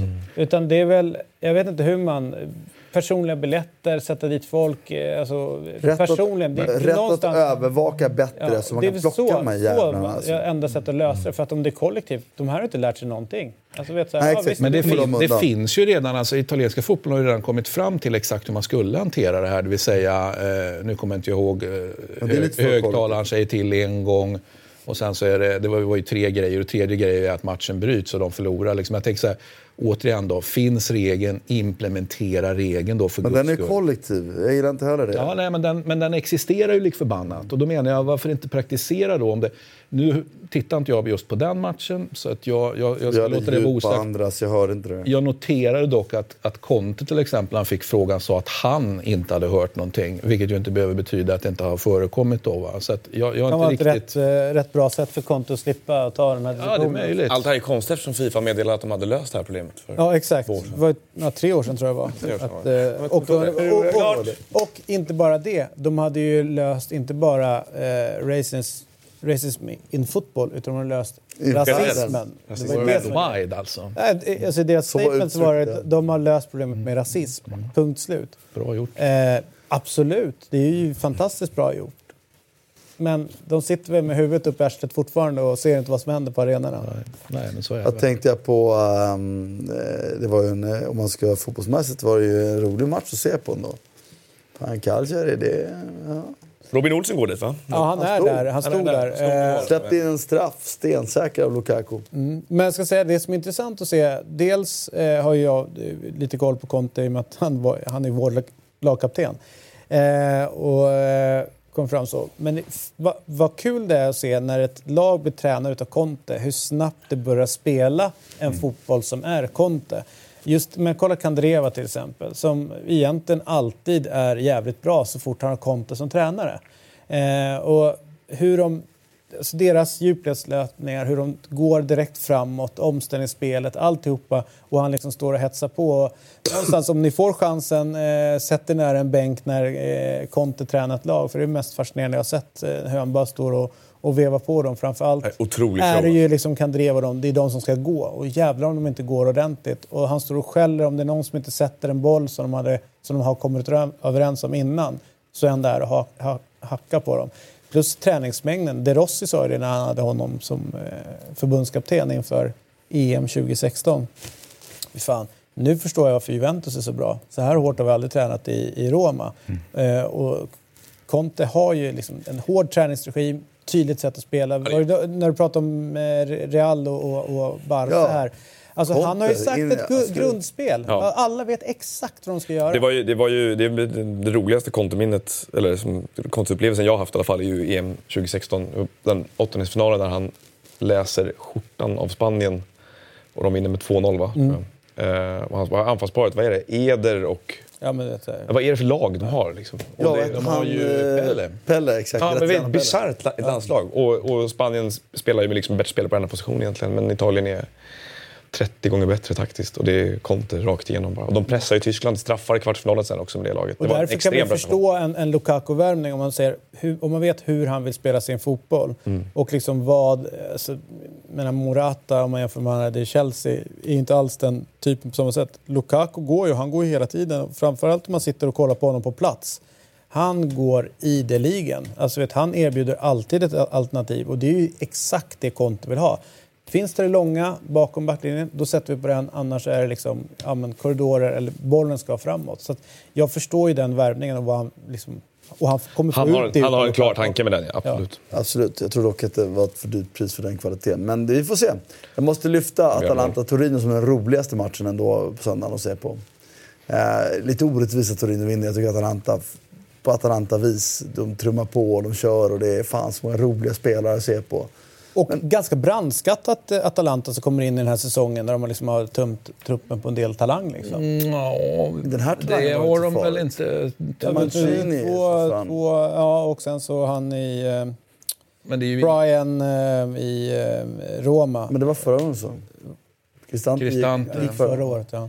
Ja, men de har förra väl, sommaren blev de med fler. snarare skulle jag väl säga de har ju faktiskt behållit dem också. den här säsongen. De, Zapatos de har ju, första mål. Jävla avslut. Vil- så- Vilken Zapata är bäst? Genoa eller Atalanta Zapata? Atalanta Zapata är dessutom den spelaren som inte borde ha köpt när man såg honom igår. Fan vad bra han var. Men så har man Ilicic, Papagomez, det finns ju många. Muriel kommer in. Det har ju... Ja, det anfallet är ju, är ju, eh, ja, det, det, det är extremt bra. Det blir kul att se dem i i Champions League också. Jag är rädd för att de kommer vara lite för offensivt viktade. Men sen är det imponerande att Torino ändå vinna då. Och det, de har ju också flera spelare som jag tycker väldigt mycket om. Han Meite på mittfältet är en spelare som varje gång jag ser honom alltid har... vad sa du nu? Meite. Ja. Jag eh, gillar ju att kolla Genoa. Eh, Det var också en överraskning. Jag såg inte den. Ja, Men... men, men den, den fin. All right. eh, Lazio, ska vi ta Lazio- Lazio-Roma lite snabbt innan vi lämnar? Rom, Rom-derby, eh, 1-1. Jag tror väl det här är ett resultat som egentligen båda två kan traska tidigt på säsongen och jada jada. Eh, vad säger ni om denna? 90 Jag minuter har bara plus sett historia. sammandragen, eh, långt sammandrag förvisso, men fan vad det verkar ha varit en grymt härlig match. Eh, Lazio verkar ha varit bättre laget. De har haft mer avslut, kommit mer till spel och så vidare. Men det är också lägen när Roma kan göra flera mål där i början. Och Saniolos vänster insida i stolpen tidigt där är också fantastiskt. Det är sju träträffar jag fick till highlight. Det kanske var fler, jag har ingen aning. Det verkar ha varit en riktigt, riktigt jävla bastant eh, batalj. eh, Riktig holmgång. Man tittar på den laguppställningen som är Lazio. Vilket, vilket, vilket jätte, jättefint lag det är ändå. Jag tycker, jag tycker allt ifrån eh, ettan till elvan. Liksom. Det, där är, det där är ett bra fotbollslag. Och Det där är- det där är- smart värvat Det där allihopa. är Champions League på det. Ja, men nu, nu sitter ju Iglitar här eh, sista dagen och ska putsa lite på sina egna grejer. Jämför då med Petracchi till exempel som sitter i, i Rom. Han ska också inte göra jättemycket grejer men han har behövt städa ut Monchis grejer så han liksom har ju haft en jobbigare situation på det sättet. Men, men eh, mycket större lugn som, som Iglitar då såklart har kunnat, eh, kunnat jobba med. Så det blir spännande att se om Roma faktiskt går in och väljer att göra någonting eh, sista dagen här. Eller om Ja, de gör väl det. De tar på Mkhitaryan, va? Tror jag. Ja, det är ju prat om det då. Eh, Jag tror till och med klart. och Går han in istället för ja, Kluivert, tänker ni? Eller för, det. eller för Cengiz Indi? Roma-perspektiv. Vem, vem, Nej, han ska ju inte spela någonstans, Mkhitaryan. Det är- Jo, vad fan, det är en bra spelare. Han måste bara komma rätt någonstans ju. Ja, Mer logiskt med Tyskland dock för honom tycker jag. Ja, han var skicka honom bekant. dit istället. Det vore väl mycket bättre. Så Det är fortfarande en bra spelare. Så ska Småling in där. Ja, den var ju... det var ju rätt rolig, rolig lösning eh, av, av den här mittbacksproblematiken. Fonseca var ju tydlig med att han vill ha en mittback till då. Det liksom rent numerärt. alltså jag tror att jag. Småling kan gå bra i, Ja, i jag Italien. sä- Det är inget, alltså, Petracchi är duktig på, på, på backlinjer. Det är han faktiskt. Och han sätter dem över tid framför allt. Så att, jag tycker att Roma är i bra händer. Mancini och Småling. Som mittbackspar eller är det... Ja, Fazio måste ju spela, absolut. Och det, det kommer han ju göra, det tror jag. Frågan är vad man får så att säga, bredvid sig. Mest, mest, mest Fazio. Det är ju väldigt mycket alltså, framtid i det och det är mycket spel som kan utvecklas. Men nu gäller det att de gör det också. Att få en säker form och att utvecklas individuellt. Men det är många spelare där som har jävligt hög högsta höjd i framtiden. Liksom. Ja, och Petracca har ju två grejer om vi nu pratar vad de ska göra sista. Han ska ju då verkligen konfirmera den här flytten till, det är väl Leipzig på, på Schick om inte jag är helt fel ute va. Mm. Sen ska ju Gunnar Lons också då verkligen också komma iväg. Han har ju varit på väg. eh, Turkiet, det? och varit nära eh, gång på gång på gång. På gång men, men nu är vi på sista dagen lik förbannat. Och sen har vi spelaren som, som bara går att sälja till Kina, det vill säga Pastore som ju trots allt kostar 27 miljoner eller vad han nu gjorde. Eh, det är inte så kul som sportchef att sitta med Pastore. Nej, men... Det var intressant att se med, med Småling. Vad, har vi? Ashley Cole och Michael Richards som inte fick till det speciellt bra de senaste åren av försvarsspelare som går till Italien. Ashley Cole vet jag att jag har läst folk i runt Roma som tyckte att för han var ju från engelskt perspektiv, eller, ja, men typ, typ världens bästa vänsterback tyckte man ju där uppe. Och så kom han ner dit och fick inte en minut nästan. Man Och ansåg då det. sa att han var taktiskt för dålig. Då var väl liksom på väg ner. Men han... eh, Ja, Han var gammal då, ja. ja eh, Man fick ju i- mycket skit för att han hade dålig attityd också. Vet jag. Sen om det är sant eller inte, det kan Ja, det heter väl säkert olika saker. Men det, är ju intressant, eller det vore ju intressant att se en engelsk försvarsspelare som de kan använda i Italien. Ja, för. Richards var inte så jättelätt att använda heller. Nej. Var han inte i England, han kom tillbaka. på heller. hyllan typ för en vecka sedan eller tio dagar sedan. Eh, han, eh, eh, Ashley Cole, eh, ganska dramatiskt sätt att avsluta karriären. Det är ju, han sitter i tv och, och säger att han lägger skorna på hyllan och så. Och då efteråt så fick han väldigt mycket hyllningar. Eh, och det, det var ju unisont från den samlade brittiska ex- expertisen. Att när han var som bäst så var det ju världens bästa vänsterback. Jag var inte riktigt där. Eh, Nej, det är svårt såg- att vara. Han var väldigt bra i landslaget ganska många gånger. Helt okej. Eh, jag Men, och väldigt bra i. Chelsea. I de här, ja, men i, när det gick bra för Chelsea var han ju bra. Men jag håller med, han var inte Ja, Han var ju sig bra, men man, det fanns alltid något smutsigt runt omkring med tanke på vart han kom. Korea kom med i argentinska landslaget. Är han- Han är uttagen eller han ska dit sig? Eller jag, eller förlåt, jag tyckte jag läste rubriken att han blev uttagen. Jag bara, fan. Jag spelar typ Har han ersatt en sån si som kärleksspelare nummer ett nu? Nej, jag var, var, var speciell ändå. Men NFF skulle ju kunna ha gjort ett bättre med en riktig tränare, höll jag på att säga. Eller han skulle väl kunna, kunna få igång sin karriär på ett bra sätt även i, i, i Roma. Vad gick han? Fem matcher? Besiktas? Galla va? Nej. Ja, något eller lag i Turkiet. i. Ja, det är Turkiet i alla fall. Och det är ytterligare en grej som ju Petracchi faktiskt redan har gjort. Så han har ju verkligen, men, men skillnaden här är i, i den bästa världen så säljer du spelare så du slipper problemet nästa transferfönster. Bocca och De Rossi, 0-0 igår. All right. Borta och driver. Kul. Eh, vi, eh, när du ändå nämner England eh, så är det ju, finns det ju en koppling mellan England och Argentina och apropå island mentality. Eh, så vi tar oss till England. Ja. Ni, du fattar inte hur kopplingen var Jag är? vet inte riktigt. Du menar att det är en, en, en kontinent som är en ö? Eller? Falklandsöarna. Ja, du menar dem ja. Ja. Ja, där styrde ju och ställde en viss Thatcher kvinna så det stod härliga till. när, när, när hon fick frågor, men hur är det möjligt? Liksom? Vad ska du med, med Falklandsöarna till? Ligger på andra sidan jordklotet. Mm. En ö utanför eh, ja, Argentina. Och då säger hon så här, they are island people. We share mentality. Bra. Bra sagt. Eh, och, Och sen klev hon, sen och, klev och hon den, in. den här delen av studien är vi så gamla så att vi, vi minns det som igår, Absolut. kriget, eller hur? Ja, Vad glad du blev.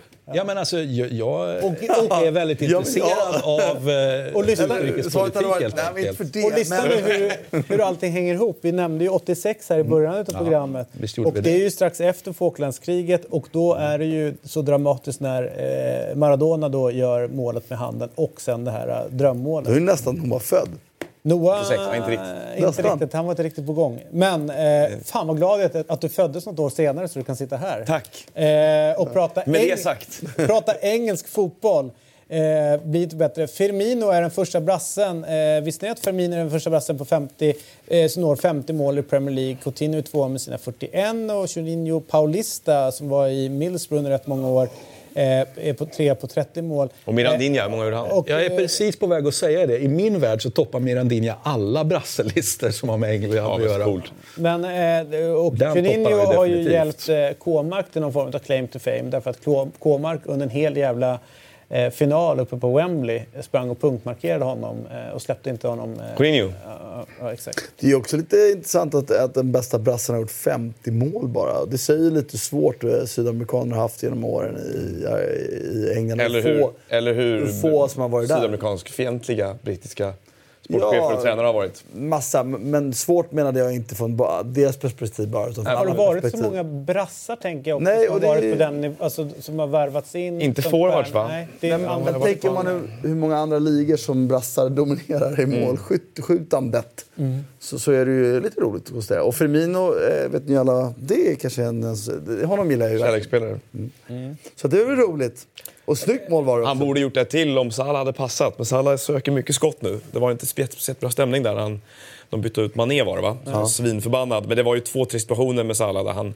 han drar, det, är som, det fortsätter på samma tema som förut. Han drar ju på sig mer bevakning och det ger mycket mer ytor. Du, du gjorde den, jag tror du gjorde den profetian redan innan där att det kommer bli mer ytor för Firmino och Mané nu efter Salahs orger året innan. Tänk om man bara lär sig släppa bollen då. Ja, men då, och det är det som är grejen här. Flera lägen mot, mot Burnley där de kontrar bort dem och kan släppa den i sidled och så. Så Firmino som lugnar ner man här på bänken. Var kanske det han sa att jag förstår vad du menar. Jag känner precis Lätt likadant. han har gjort mål.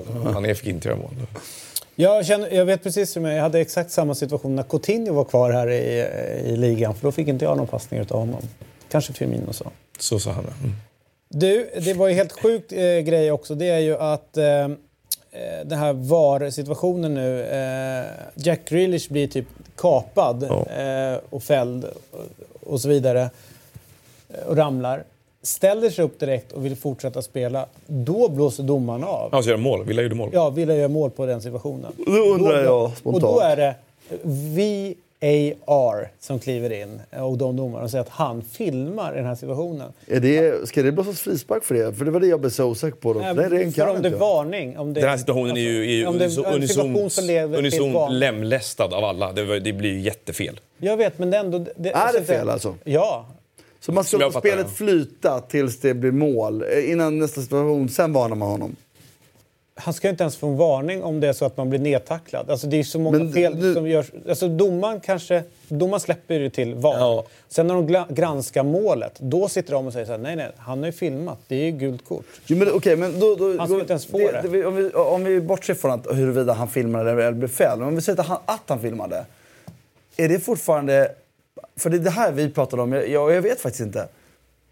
Men jag vill inte diskutera. Det är inte det jag vill diskutera. Jag vill veta om, när han, om han nu filmar. Mm. Ponera att han filmade. Det har de ju bedömt på VAR, att han filmar. Då ska det blåsas av och bli gult kort. Det ska jag det? Ja. Så då är domslutet rätt därifrån. rätt. Men Då är jag, domslutet rätt därifrån.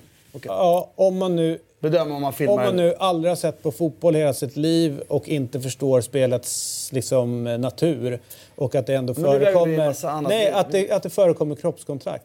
Alltså grejen är att så här, men- det var just det här vi skulle bli av med för alla som förespråkade VAR. Det skulle bli, så, just exakt sådana här fel ska vi bli av med. Här är en nykomling som gör ett mål, torskar. Alltså det kan få jättestora konsekvenser sett hur mycket det handlar om. För det var också en av argumenten. Det är så mycket pengar i fotboll. Vi måste få bättre... Så det måste vara rättvist. Måste vara rätt. Och så får man det här. Det här är sjukaste jag sett tror jag. men det är väl... Men det är har vi ju väl vetat Jag- jag hela vill- tiden jag här, gå att det är tillbaka. lager på lager. Det Ja, här är men ju den här lilla det- ryska ja. dockan liksom. Alltså, är helt vi har ju bara adderat en lag. Vi kommer aldrig nå fram till en, till en absolut då är det ännu- sanning. då blir vi har ännu värre lagt här. till ett lager till som då kan Och det- eh, utnyttjas av olika aktörer. För, det vill innan säga jag svarar på olika den diskussionen, för den är också inflytelserika intressant tycker jag. Jag, UEFA kanske. Vill jag gå tillbaka där. Om nu de har bedömt att han filmar, du behöver inte raljera för jag, jag har inte sagt något varken för eller emot. Men de har ändå bedömt att han filmar, då är alltså dom... För det, inte ens det visste jag. För det blir så här, vadå, om de filmar, är det, ska man blåsa av för det? Ska man bara låta spelet flyta på? Och Beror sen på, ta men- filmningen efter avblåsningen? Alltså, är inte det mål och Jo, kort för så kan man göra. Men är, ska han blåsa av? Han eller inte? När bollen går död, nu går ju bollen död i mål. Om det blir en spelvändning eller någonting att det blir en chans, då kan man blåsa av. Men nu blev det ju att de kollar. Han gör ju ingenting. Det är det som är nya grejen från domarna. De släpper ju saker för att skicka upp det. Men, och där men sitter folk att som gör... irritationen uppstår det har väl med två saker. Det ena är väl att eh, just att det granskas i, av VAR eh, och så blir det ett uttryck för att VAR hjälpte oss inte alls att bli av med de här konstigheterna och folk är fortfarande oense. Det andra är väl också att det är en situation som många inte känner igen. Det vill säga om en spelare tidigare har filmat, de har inte sett så jättemånga mål dömas bort på det här sättet. Och så drar man direkt en koppling till att det är bara för att vi har VAR när de börjat hitta nya fel. Det är samma diskussion som uppstår i kölvattnet av handbollen på, på City när de avgjorde mot Tottenham till 3-2 häromhelgen. Att sådär att, ja, men det här, så här, den här typen av liksom upptäckter skedde inte utan VAR. Nej, men, vi fast det sjuka mycket mer Ja, det sjuka är, här hittar de någonting som inte finns. Ja, men- Här hittar de en filmning som inte ens existerar och den borde man ju se i synnerhet när man sitter och kollar på reprisen. Det var det vi skulle bli av Jag med. fortfarande inte... Jag, för det, Jo, jag har Sit- precis Sit- förstått och jag Sit- satt och kollade på matchen. City, Och, City var helt... Det är ett korrekt domslut, en tydlig regel, det visste vi precis om. Här är alltså, jag har fortfarande inte... För domaren blåser ju innan målet skjuts. Det hör vi ju. Innan han skjuter mål så blåser domaren. Mm. Och då undrar jag så här, återigen, för det har jag fortfarande inte riktigt fått svar på. Är det så, om, du, om jag slänger mig och filmar här och det är felaktigt, då ska man blåsa av spelet direkt och ge mig gult kort? då kan, det, det alternativet finns i hans verktygslåda. Det kan också vara så att han ser en filmning men låter spelet gå vidare. Om det motståndarlaget hade vunnit bollen, men i och med att Villa fortfarande hade bollen och bedöms ha en fördel av den filmningen, då kan man blåsa Och då av. Men om Bournemouth, eller om, om Ja, han ska för att det är en filmning. Ja, men däremot om Crystal Palace hade vunnit bollen i det läget och ställt om. hade han släppt det. Då hade han släppt det, Okej, men bra. sen kunnat dela ut ett gult kort sen efteråt. Tack. Och då har vi fått, för det var det jag var, alltså, var, den, den regeln var jag osäker på. Vi pratade om det igår. Det var ingen faktiskt som visste exakt hur det var. Men det är så att om någon filmar och, man, och vi har en fördel av det, mitt lag, det filmande laget har fördel av Ungefär som samma tanke som handsituationen för City. När den tar på en... Yes. Off, ja. Och då, då är vi tillbaka till stora grejen att huruvida det är en filmning eller inte.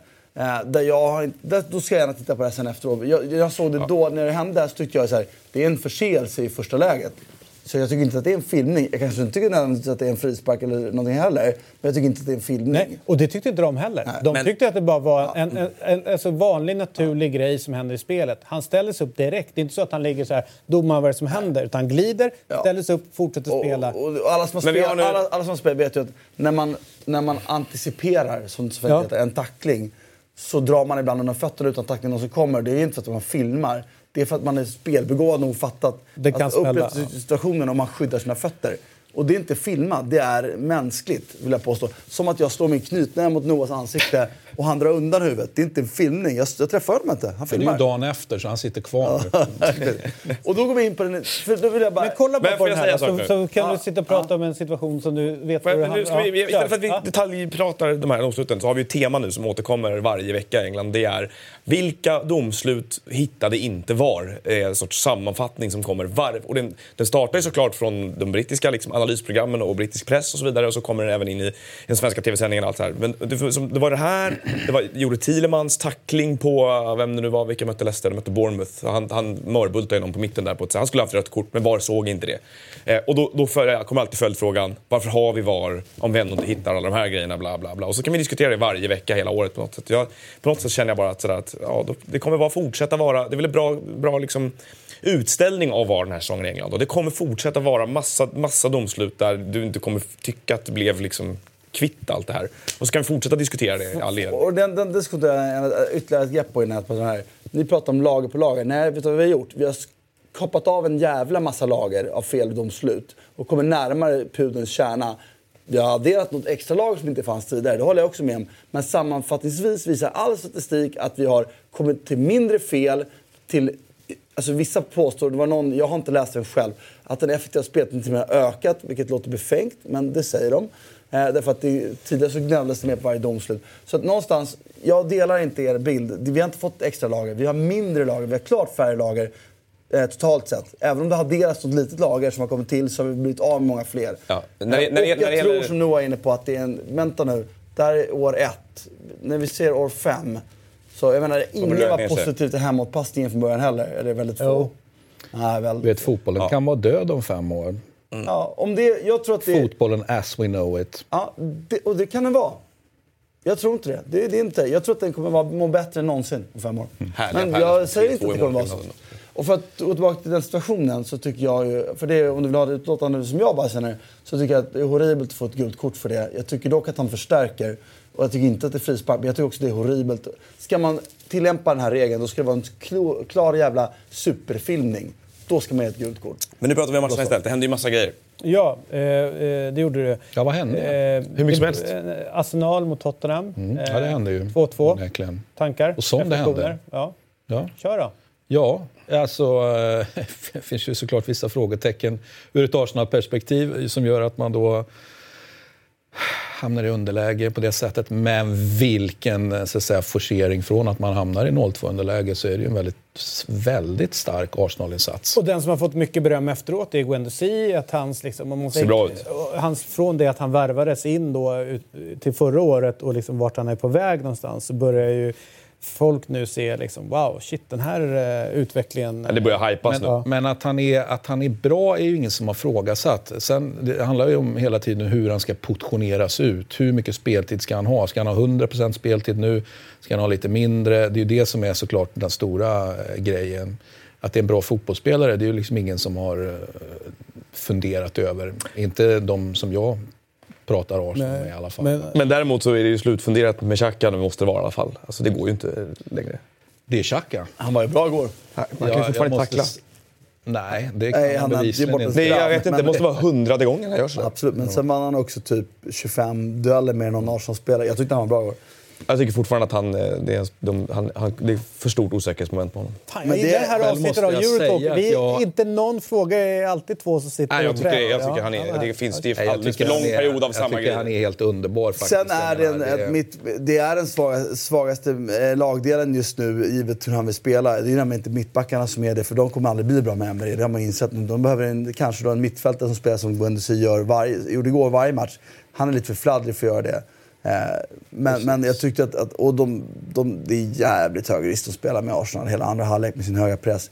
Men de vinner ju i princip, alltså Guendouzi bröt en jävla massa, men Xhaka, Sokratis och Luis vann ju vad fan varenda duell i hela jävla andra halvlek. Otroligt jävla bra i det duellspelet var de ju. Eh, och jag tycker Arsenals fronttrio är ju helt underbar beskådad. Jag tycker Lacazette var briljant. Jag tycker det var tydligt när han gick av, vad jag förstår med, med att han var slut liksom. Han, men han var så jävla bra igår tycker jag. Och, Lacazette? Ja. Jag tycker han var en... För om han inte är slut, du, vi pratade ju om det Nej, men innan då är det fel. programmet, Men det är ju- då, är, då är det så här, jag, jag uppfattar inte att han var slut, utan, utan, men, men du är så himla säker på Ja, att han jag- var slut. ja. Att, Lacazette? Ja. Slut som... eh, nej men alltså att Matchen. helt färdig Eh, matchen, matchen. okej. Och jag tänkte, jag vart, jag vart så jävla, alltså jag, jag satt och tittade på den och hade då inte, om du nu kommenterade så hade jag inte Martin utan jag hade en annan Nej, jag kommenterar den heller inte. Jag satt Nej. på studio efteråt. Eh, Så jag, jag hade väl kanske inte något ljud alls, jag kommer inte ihåg. Men, men hur som helst så blev jag liksom förtvivlad när han byttes ut. Ja. Liksom, jag var målskytt, eh, Bäst på plan. bäst på plan. Offensivt. Liksom. Vad fan, Ja. du byter ut här. Vad, vad, är, vad är det som händer? Men, men, men eh, han och så, så, jag tycker PP är ju en spelare som är lite för dyr för det de har köpt in egentligen. Han kommer aldrig vara den här luta sig på poängspelare. Men i den kombinationen de har där framme, han är otroligt obehaglig att möta PP för han går förbi alla när det stämmer för honom. Alltså alla verkligen. Eh, och då kombinationen med en så smart spelare som som Lacazette som är, jag tycker är fotbollstekniskt taktiskt är ju väldigt, väldigt liksom, hög nivå på. Och eh, med, då Aubameyang som har den här, gör, ja, han gör ju poäng också. Så ser ju den, den fronttrion extremt spännande ut. Då är ju bara problemet hur de ska formera sig bakom. Spelar Guendouzi och Xhaka som de gjorde igår, då kan man ha Ceballos som tredje. Men det tror inte jag att de gör varje match. Och då är ju det här problemet, liksom, då kan man ha det mot de sämre lagen, kan man ha Ceballos. Annars måste de kanske ha en central mittfältare till, eh, Torreira eller Willock. Torreira hellre skulle jag säga. Men jag, fick- även om, även om Xhaka vinner jättemycket boll så är det ju det är inte bara straffen. Det är ju det är ytterligare två, tre situationer. Och han- det är inte han som drar på sig frisparken innan, innan straffen också. Men, Men liksom- jag säger återigen, du kan aldrig göra någonting, du kan inte slipa Xhaka till att göra någonting annat. Utan, utan Nej, du men då kan, vill man ju- kan du driva tesen att han är... Du tycker nettot att är så pass bra att du vill ha kvar honom? Ja, det är, äh, här och nu i alla fall. Ja. Vill jag, kan jag se en annan bättre spelare på tre års sikt eller någonting, eller två års sikt eller kanske nästa säsong så kanske svaret är ja, så att säga. Men med befintlig trupp och, med, framförallt var man kommer ifrån. Eh, man måste ju komma ihåg också att, eh, nu säger jag det här för hundrade gången, men han visar under x antal säsonger attityd i ett lag som hade noll i attityd. Så han har, ju, han har ju någonting som är värdefullt i ett, i ett Tottenham då pojkar, vad säger ni om... eh, Konstig, konstig eh, stund just nu med Tottenham. Såg Pochettinos snack efter matchen där. Han, var, han eh, trycker tydligt på att han är väldigt, väldigt positiv, väldigt optimistisk. Så att det här är en jättespännande tid för Tottenham. Att de växer och att han känner att det blir bättre och bättre. Och det, han gör väl sin analys av det, men det var rätt länge sedan de gjorde 90 bra minuter nu, det här laget. De har ju hemsk resultatrad under 2019 och sådär. Så det, Det De var jävligt illa ute den här matchen. Ja, det är besynnerligt, besynnerlig se- sekvens alltså det, just nu med Tottenham. Jag har svårt att förstå vad han syftar på exakt där. Han kanske ser saker som, jag, som han själv inte ser, eh, vet saker som han själv inte vet. Men han refererar också tillbaka till då en period som har varit som var den sämsta, sa han, sämsta, min sämsta tid i mitt Tottenham-liv började han prata om. Och, så där. och så nu var allting mycket bättre och såg ljusare ut. Och så. Men det ser ju ljusare ut härifrån nu. Det tycker jag absolut att det gör. Jag skulle säga så här, Tottenham har ju... Givet att de har den trupp de har tillgänglig nu så har han ju fattat några beslut som har varit lite onödiga. Han har spelat med Fertongen för lite. Av skäl som jag tror, utifrån i alla fall, verkar vara en, ett statement-skäl. Och det har kostat. De har eh, Vad är statement för... för att det har varit tjafs, han ville bort och, och, det har varit någonting. Det är i alla fall inte öppet kommunicerat något annat. Eh, men jag säger inte att det är det, men det är vad man har förstått. Han var för dåligt tränad, tror jag. Kom tillbaka för dåligt. Ja, och har inte då heller då ansett så. Och det, det har kostat. Och sen har Eriksen har man ju då valt att spela lite för lite också. Och tycker jag då att Winks är inte bra nog för att axla den rollen. Och jag tycker det mittfältet igår blir överkört. Cissoko är ju bra duellspelet men inte tillräckligt bra med fötterna. Liksom. Så där, där, men det kommer ju lösa sig av sig självt nu när det kommer in alla spelare kommer tillbaka. Och man ska också komma ihåg, alltså, Och släpper de Johan Jama till eh, bättre, skärp, Belgien. bättre skärpa i omställningarna igår så kan de leda med 3-0, 4-0 i halvtid faktiskt. För det finns omställningslägen. I andra halvlek så är de för tunna i duellspelet och får inte tag i det. Så har de inte riktigt de här duellspelen. Men Kane skjuter en kanon i stolpen. Då är det dött där. Alltså det är ett klassavslut. Och fatta då att de har, i en tuff period, med skador, om det är Fertongen har varit borta eller om det har varit tjafs, jag vet inte. Eh, de har, eh, Dele Alli har varit skadad. Lo Celso kom in sent för att de har en ägare som är supersnål och vägrar göra någonting utan att ha prövat att krama ut alla kronor han kan. Så har de fått in sent. Där de står nu har de varit borta mot Arsenal, de har varit borta mot City, tagit poäng i båda matcherna. Eh, De har vunnit hemma mot Villa, nykomling hemma. Förlorat mot Newcastle. De har en Eh, plump egentligen då. Ja, men, det, ja, men jag, tror, jag, tror, jag, tror, men jag tror helhetsbilden av det hela. Det, det, foundation. frågetecknet funnits med Pochettino är egentligen var han står i, i relation till Spurs och, och den här långvariga grejen snarare. Och då, att de tappade någonting under våren. Därför att deras, alltså, resultatet i ligan var ju, havererade fullständigt i takt med att de gick långt i Champions League. Och hade de inte haft då Champions League-framgången att luta sig mot som på något sätt gav ett bra skimmer åt hela förra säsongen så hade det nog varit var gnällt ganska mycket mer. Ja, men, jo, det är klart det var, det håller jag med om. Men det är fortfarande en, en, en formkurva som har dalat ganska ordentligt från vad den var fram till mars ungefär. Och därifrån så är det ganska få segrar. Eh, jag tror att de har säkert förlorat åtta, de har förlorat åtta av 16 matcher i Premier League och sådär sedan dess. Så det är väldigt mycket för att vara, för att vara det här Men Tottenham. det fanns skäl till det tycker jag föregående år. Dels så var truppen lite för tunn visade sig när de släppte av spelarna året. Ja, det andra så, Dembélé-historien och ja, och så kom det spelare, och det har ju kritiserats många gånger här att de inte har investerat. Jag tycker fortfarande de är lite underinvesterade. Men det var också eh, förra året då, om, vi, om det är någonting det här VM-breaket med kort försäsong hade kostat det på, så är det ju förlängningen av säsongen. Precis som att jag har så svårt att förstå, vi hade en diskussion vad vi har satt om det här med Europaspel, det börjar man dåligt i ligan. Jag bara, det är ju ologiskt tycker jag. Det måste vara andra skäl till det. För att är det någonting det borde göra är att man börjar ligan bra, för man borde vara uppe i varv. Det, kan inte det är ju ingen som sliten av matchandet i Europaspelet så här långt. Det kan betyda någonting i oktober, november, december möjligtvis. Men nu ska det inte betyda någonting. Och det är det vi såg med Tottenham, mm. tror jag. En stor del var att de hade fan en sliten säsong. Alla var slitna. Det kostade i slutet. För snål eh, ägare, för, då, för, liksom för dålig bredd. Släppte resten ifrån spelare. Jag tror mer på det. Men jag har håller med, vi- det är inte sen givet. Nej, det, är liksom, det, är lite, det finns ett frågetecken för första Absolut. gången på ganska länge med Pochettino. Och sånt där. Men, det finns en annan jag del- tror som du tror. Jag tror att de studsar tillbaka från det här. Jag tror att de, jag tror att de har, är liksom botten av den här svängen på något sätt. Eller har varit där och är på väg tillbaka. Sen måste man säga att mot Newcastle, en sån typisk sån match som de hade problem med i våras också mot låga försvar.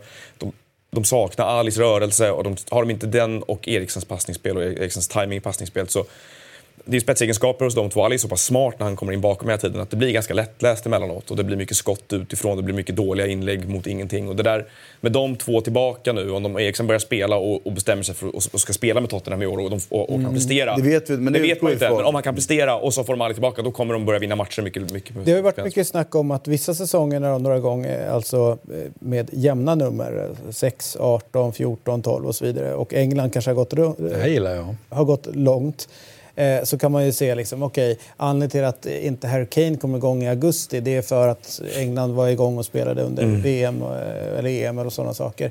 I somras hade vi ändå eh, de sydamerikanska spelarna som var igång och de afrikanska spelarna som var igång. Och, och lite grann så att jag sökte svar eh, runt Real Madrid eller eh, Barcelona eller uppseendeväckande resultat som man ändå har sett Finns det någon sån grej som kan skvälpa över in nu, liksom, som ni ser, eh, där de europeiska spelarna rimligtvis bör vara lite Fräschare. fräschare, medan de liksom...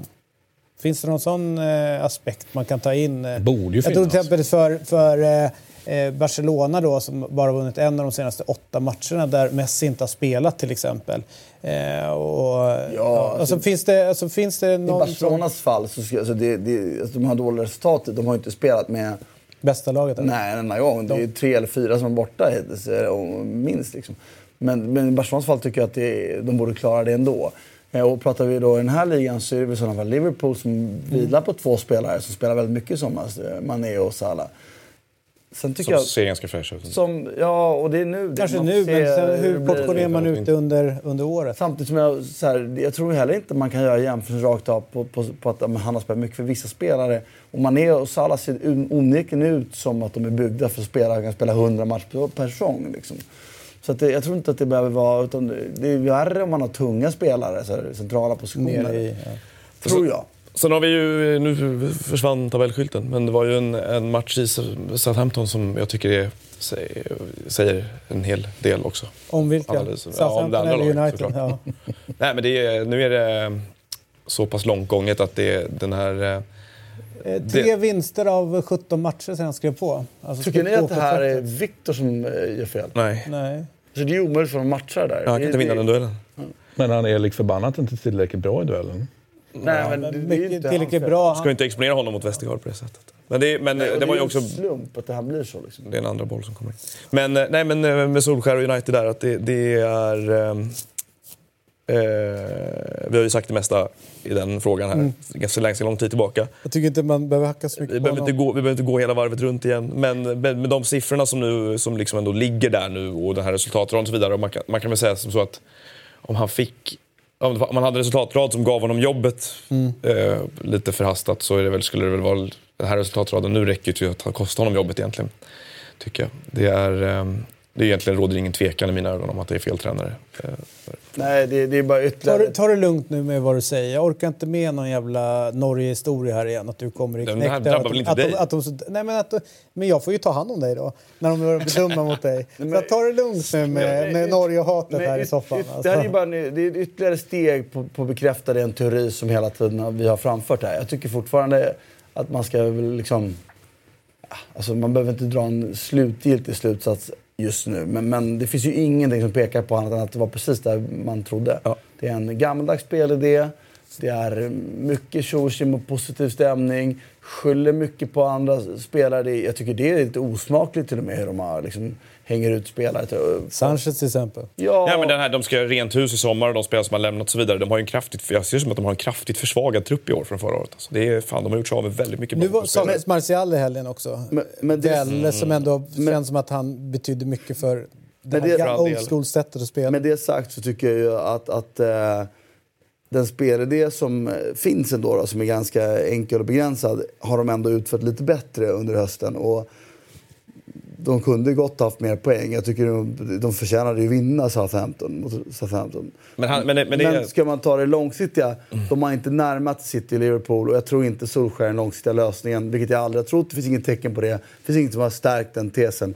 Och då är det vi var inne på att det här, som jag liksom fick ner skit på, varför fattar man beslut då? Det, är en, det var ett ynkligt underlag och allt det, det, doftar unken nostalgi bara, tyvärr. Jag känner ju någonstans när man kollar på, vi ska inte gå in på just han så, men när det gäller val av tränare så har de gjort sitt val. Men om jag, med liksom, givetvis kunna vara lite grann i backspegeln, men man, känner, man tänker så här, Manchester United, okej, det, det, det är rött, det, det, det är lite farligt och alltihopa vad de står för. Hemma då på Old Trafford så då ska de fan köra liksom. Tänk dig en Conte med, med det där laget. Alltså vad han skulle kunna få fart på dem, verkligen. Eller en Simeone, du vet så. Eller om de hade använda- hittat en Klopp back in the days. Alltså, vet, använda spelarna som de såg sig tvungna att sälja av flera stycken nu. Ja, det är ju stora, köra och det långtgående problemet här är att nu har de gjort analysen att okej, vi har värvat in fel personligheter. Det är det som har varit problemet. De har varit för stora i omklädningsrummet, bla bla bla.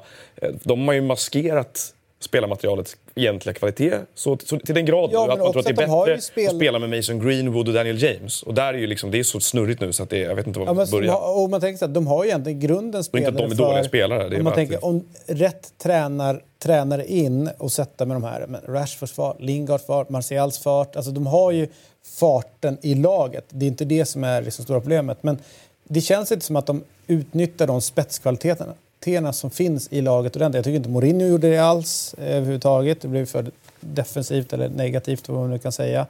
Eh, och sen så, alltså det, de känns oförlösta. Alltså man bara väntar på att, men kom Jag igen. måste, jag måste säga... Jag tänker på Conte här faktiskt, som ju då i min värld har valt bort United, har valt bort Real Madrid. Det vill säga han har gjort en bedömning av två klubbledningar eller två situationer som, där, det, där det såklart går att förbättra vissa grejer, men där vissa pusselbitar är så kassa helt enkelt så att han som tränare har inte tid med att offra... Nej, och det kan säkert vara det som händer ovanför med Woodward. Och Han är. Chelsea-bränd också. Han är. Chelsea-bränd och, och, eh, och håller på med någon jävla... eh, Stäm, Bränt barn skyr elden som han bekant. stämmer ju Chelsea med jämna mellanrum nu för att han vill ut mer pengar. Men, men för, för liksom, apropå just de här eh, spelarna som du nämner så, så, så måste jag säga att Rashford är inte en spelare som aldrig kommer bli... För jag, man, blir man inte lite liksom lurad av hans extrema... Alltså när han gör grejer bra så ser det fantastiskt bra ut. Men fan, det, Du säger att det är en ny Welbeck?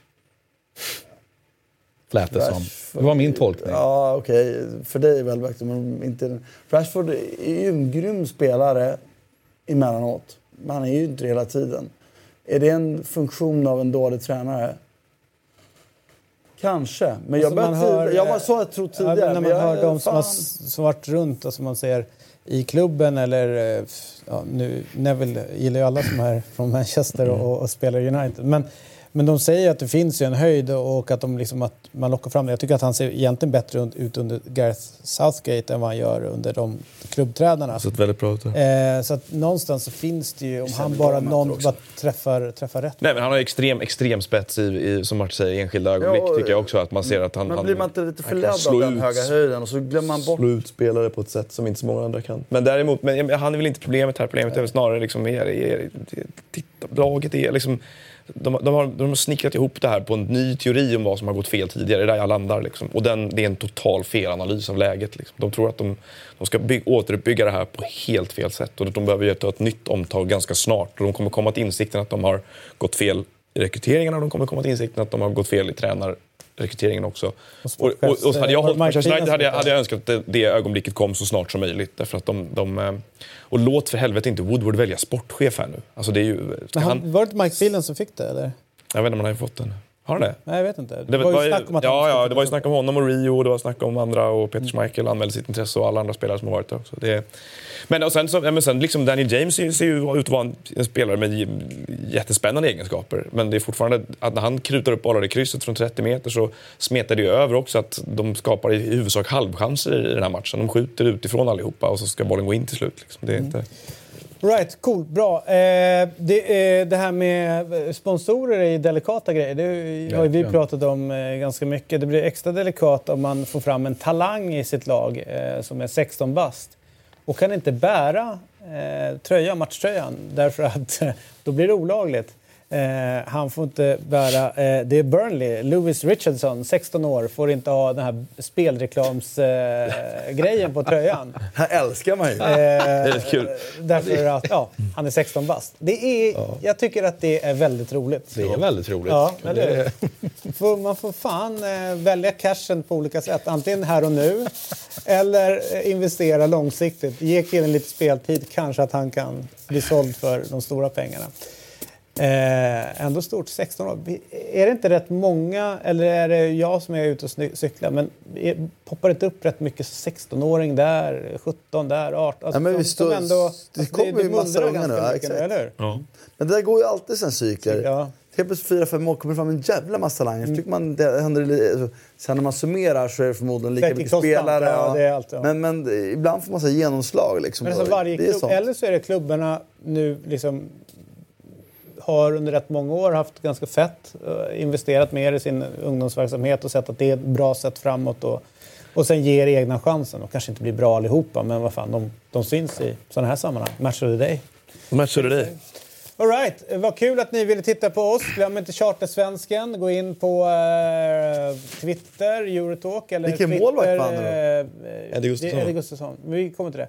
Mm. Eh, där eh, Euro, Euro, vad fan heter det? Europatipset, underscore 1, X 2. Där finns också alltihopa. Nominera din eh, bortglömda högerback.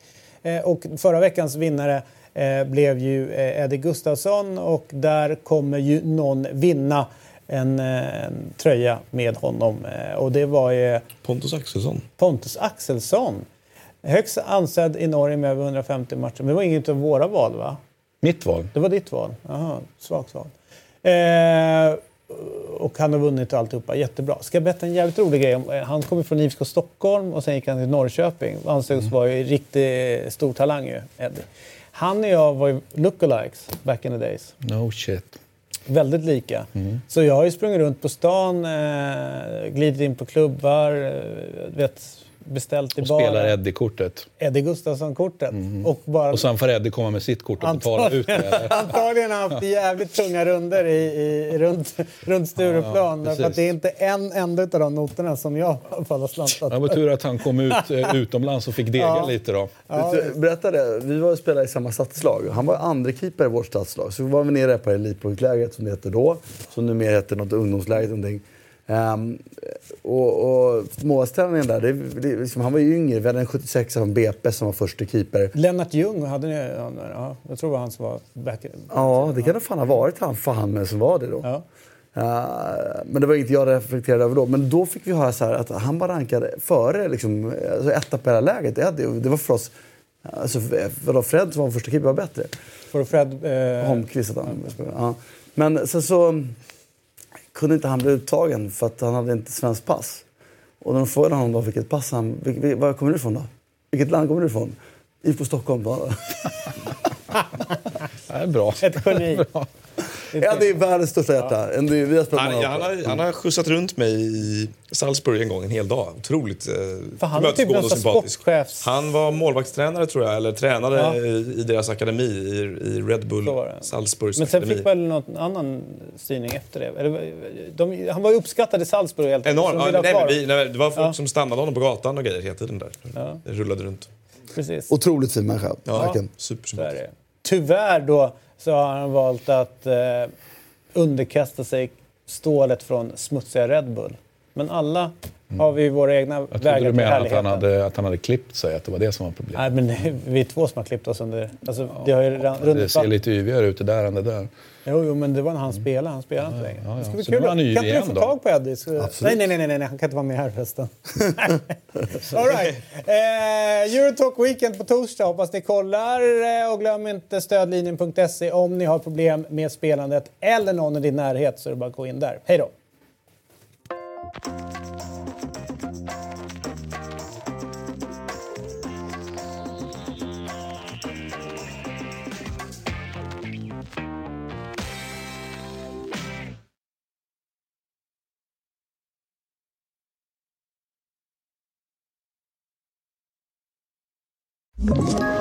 Ett poddtips från Podplay. I podden Något Kaiko garanterar östgötarna Brutti och jag, Davva, dig en stor dos skratt. Där följer jag pladask för köttätandet igen. Man är lite som en jävla vampyr. Man har fått lite blodsmak och då måste man ha mer. Udda spaningar, fängslande anekdoter och en och annan arg rant. Jag måste ha mitt kaffe på morgonen för annars är jag ingen trevlig människa. Då är du ingen trevlig människa, punkt. Något Kaiko, hör du på Podplay. Därför är gardinerna.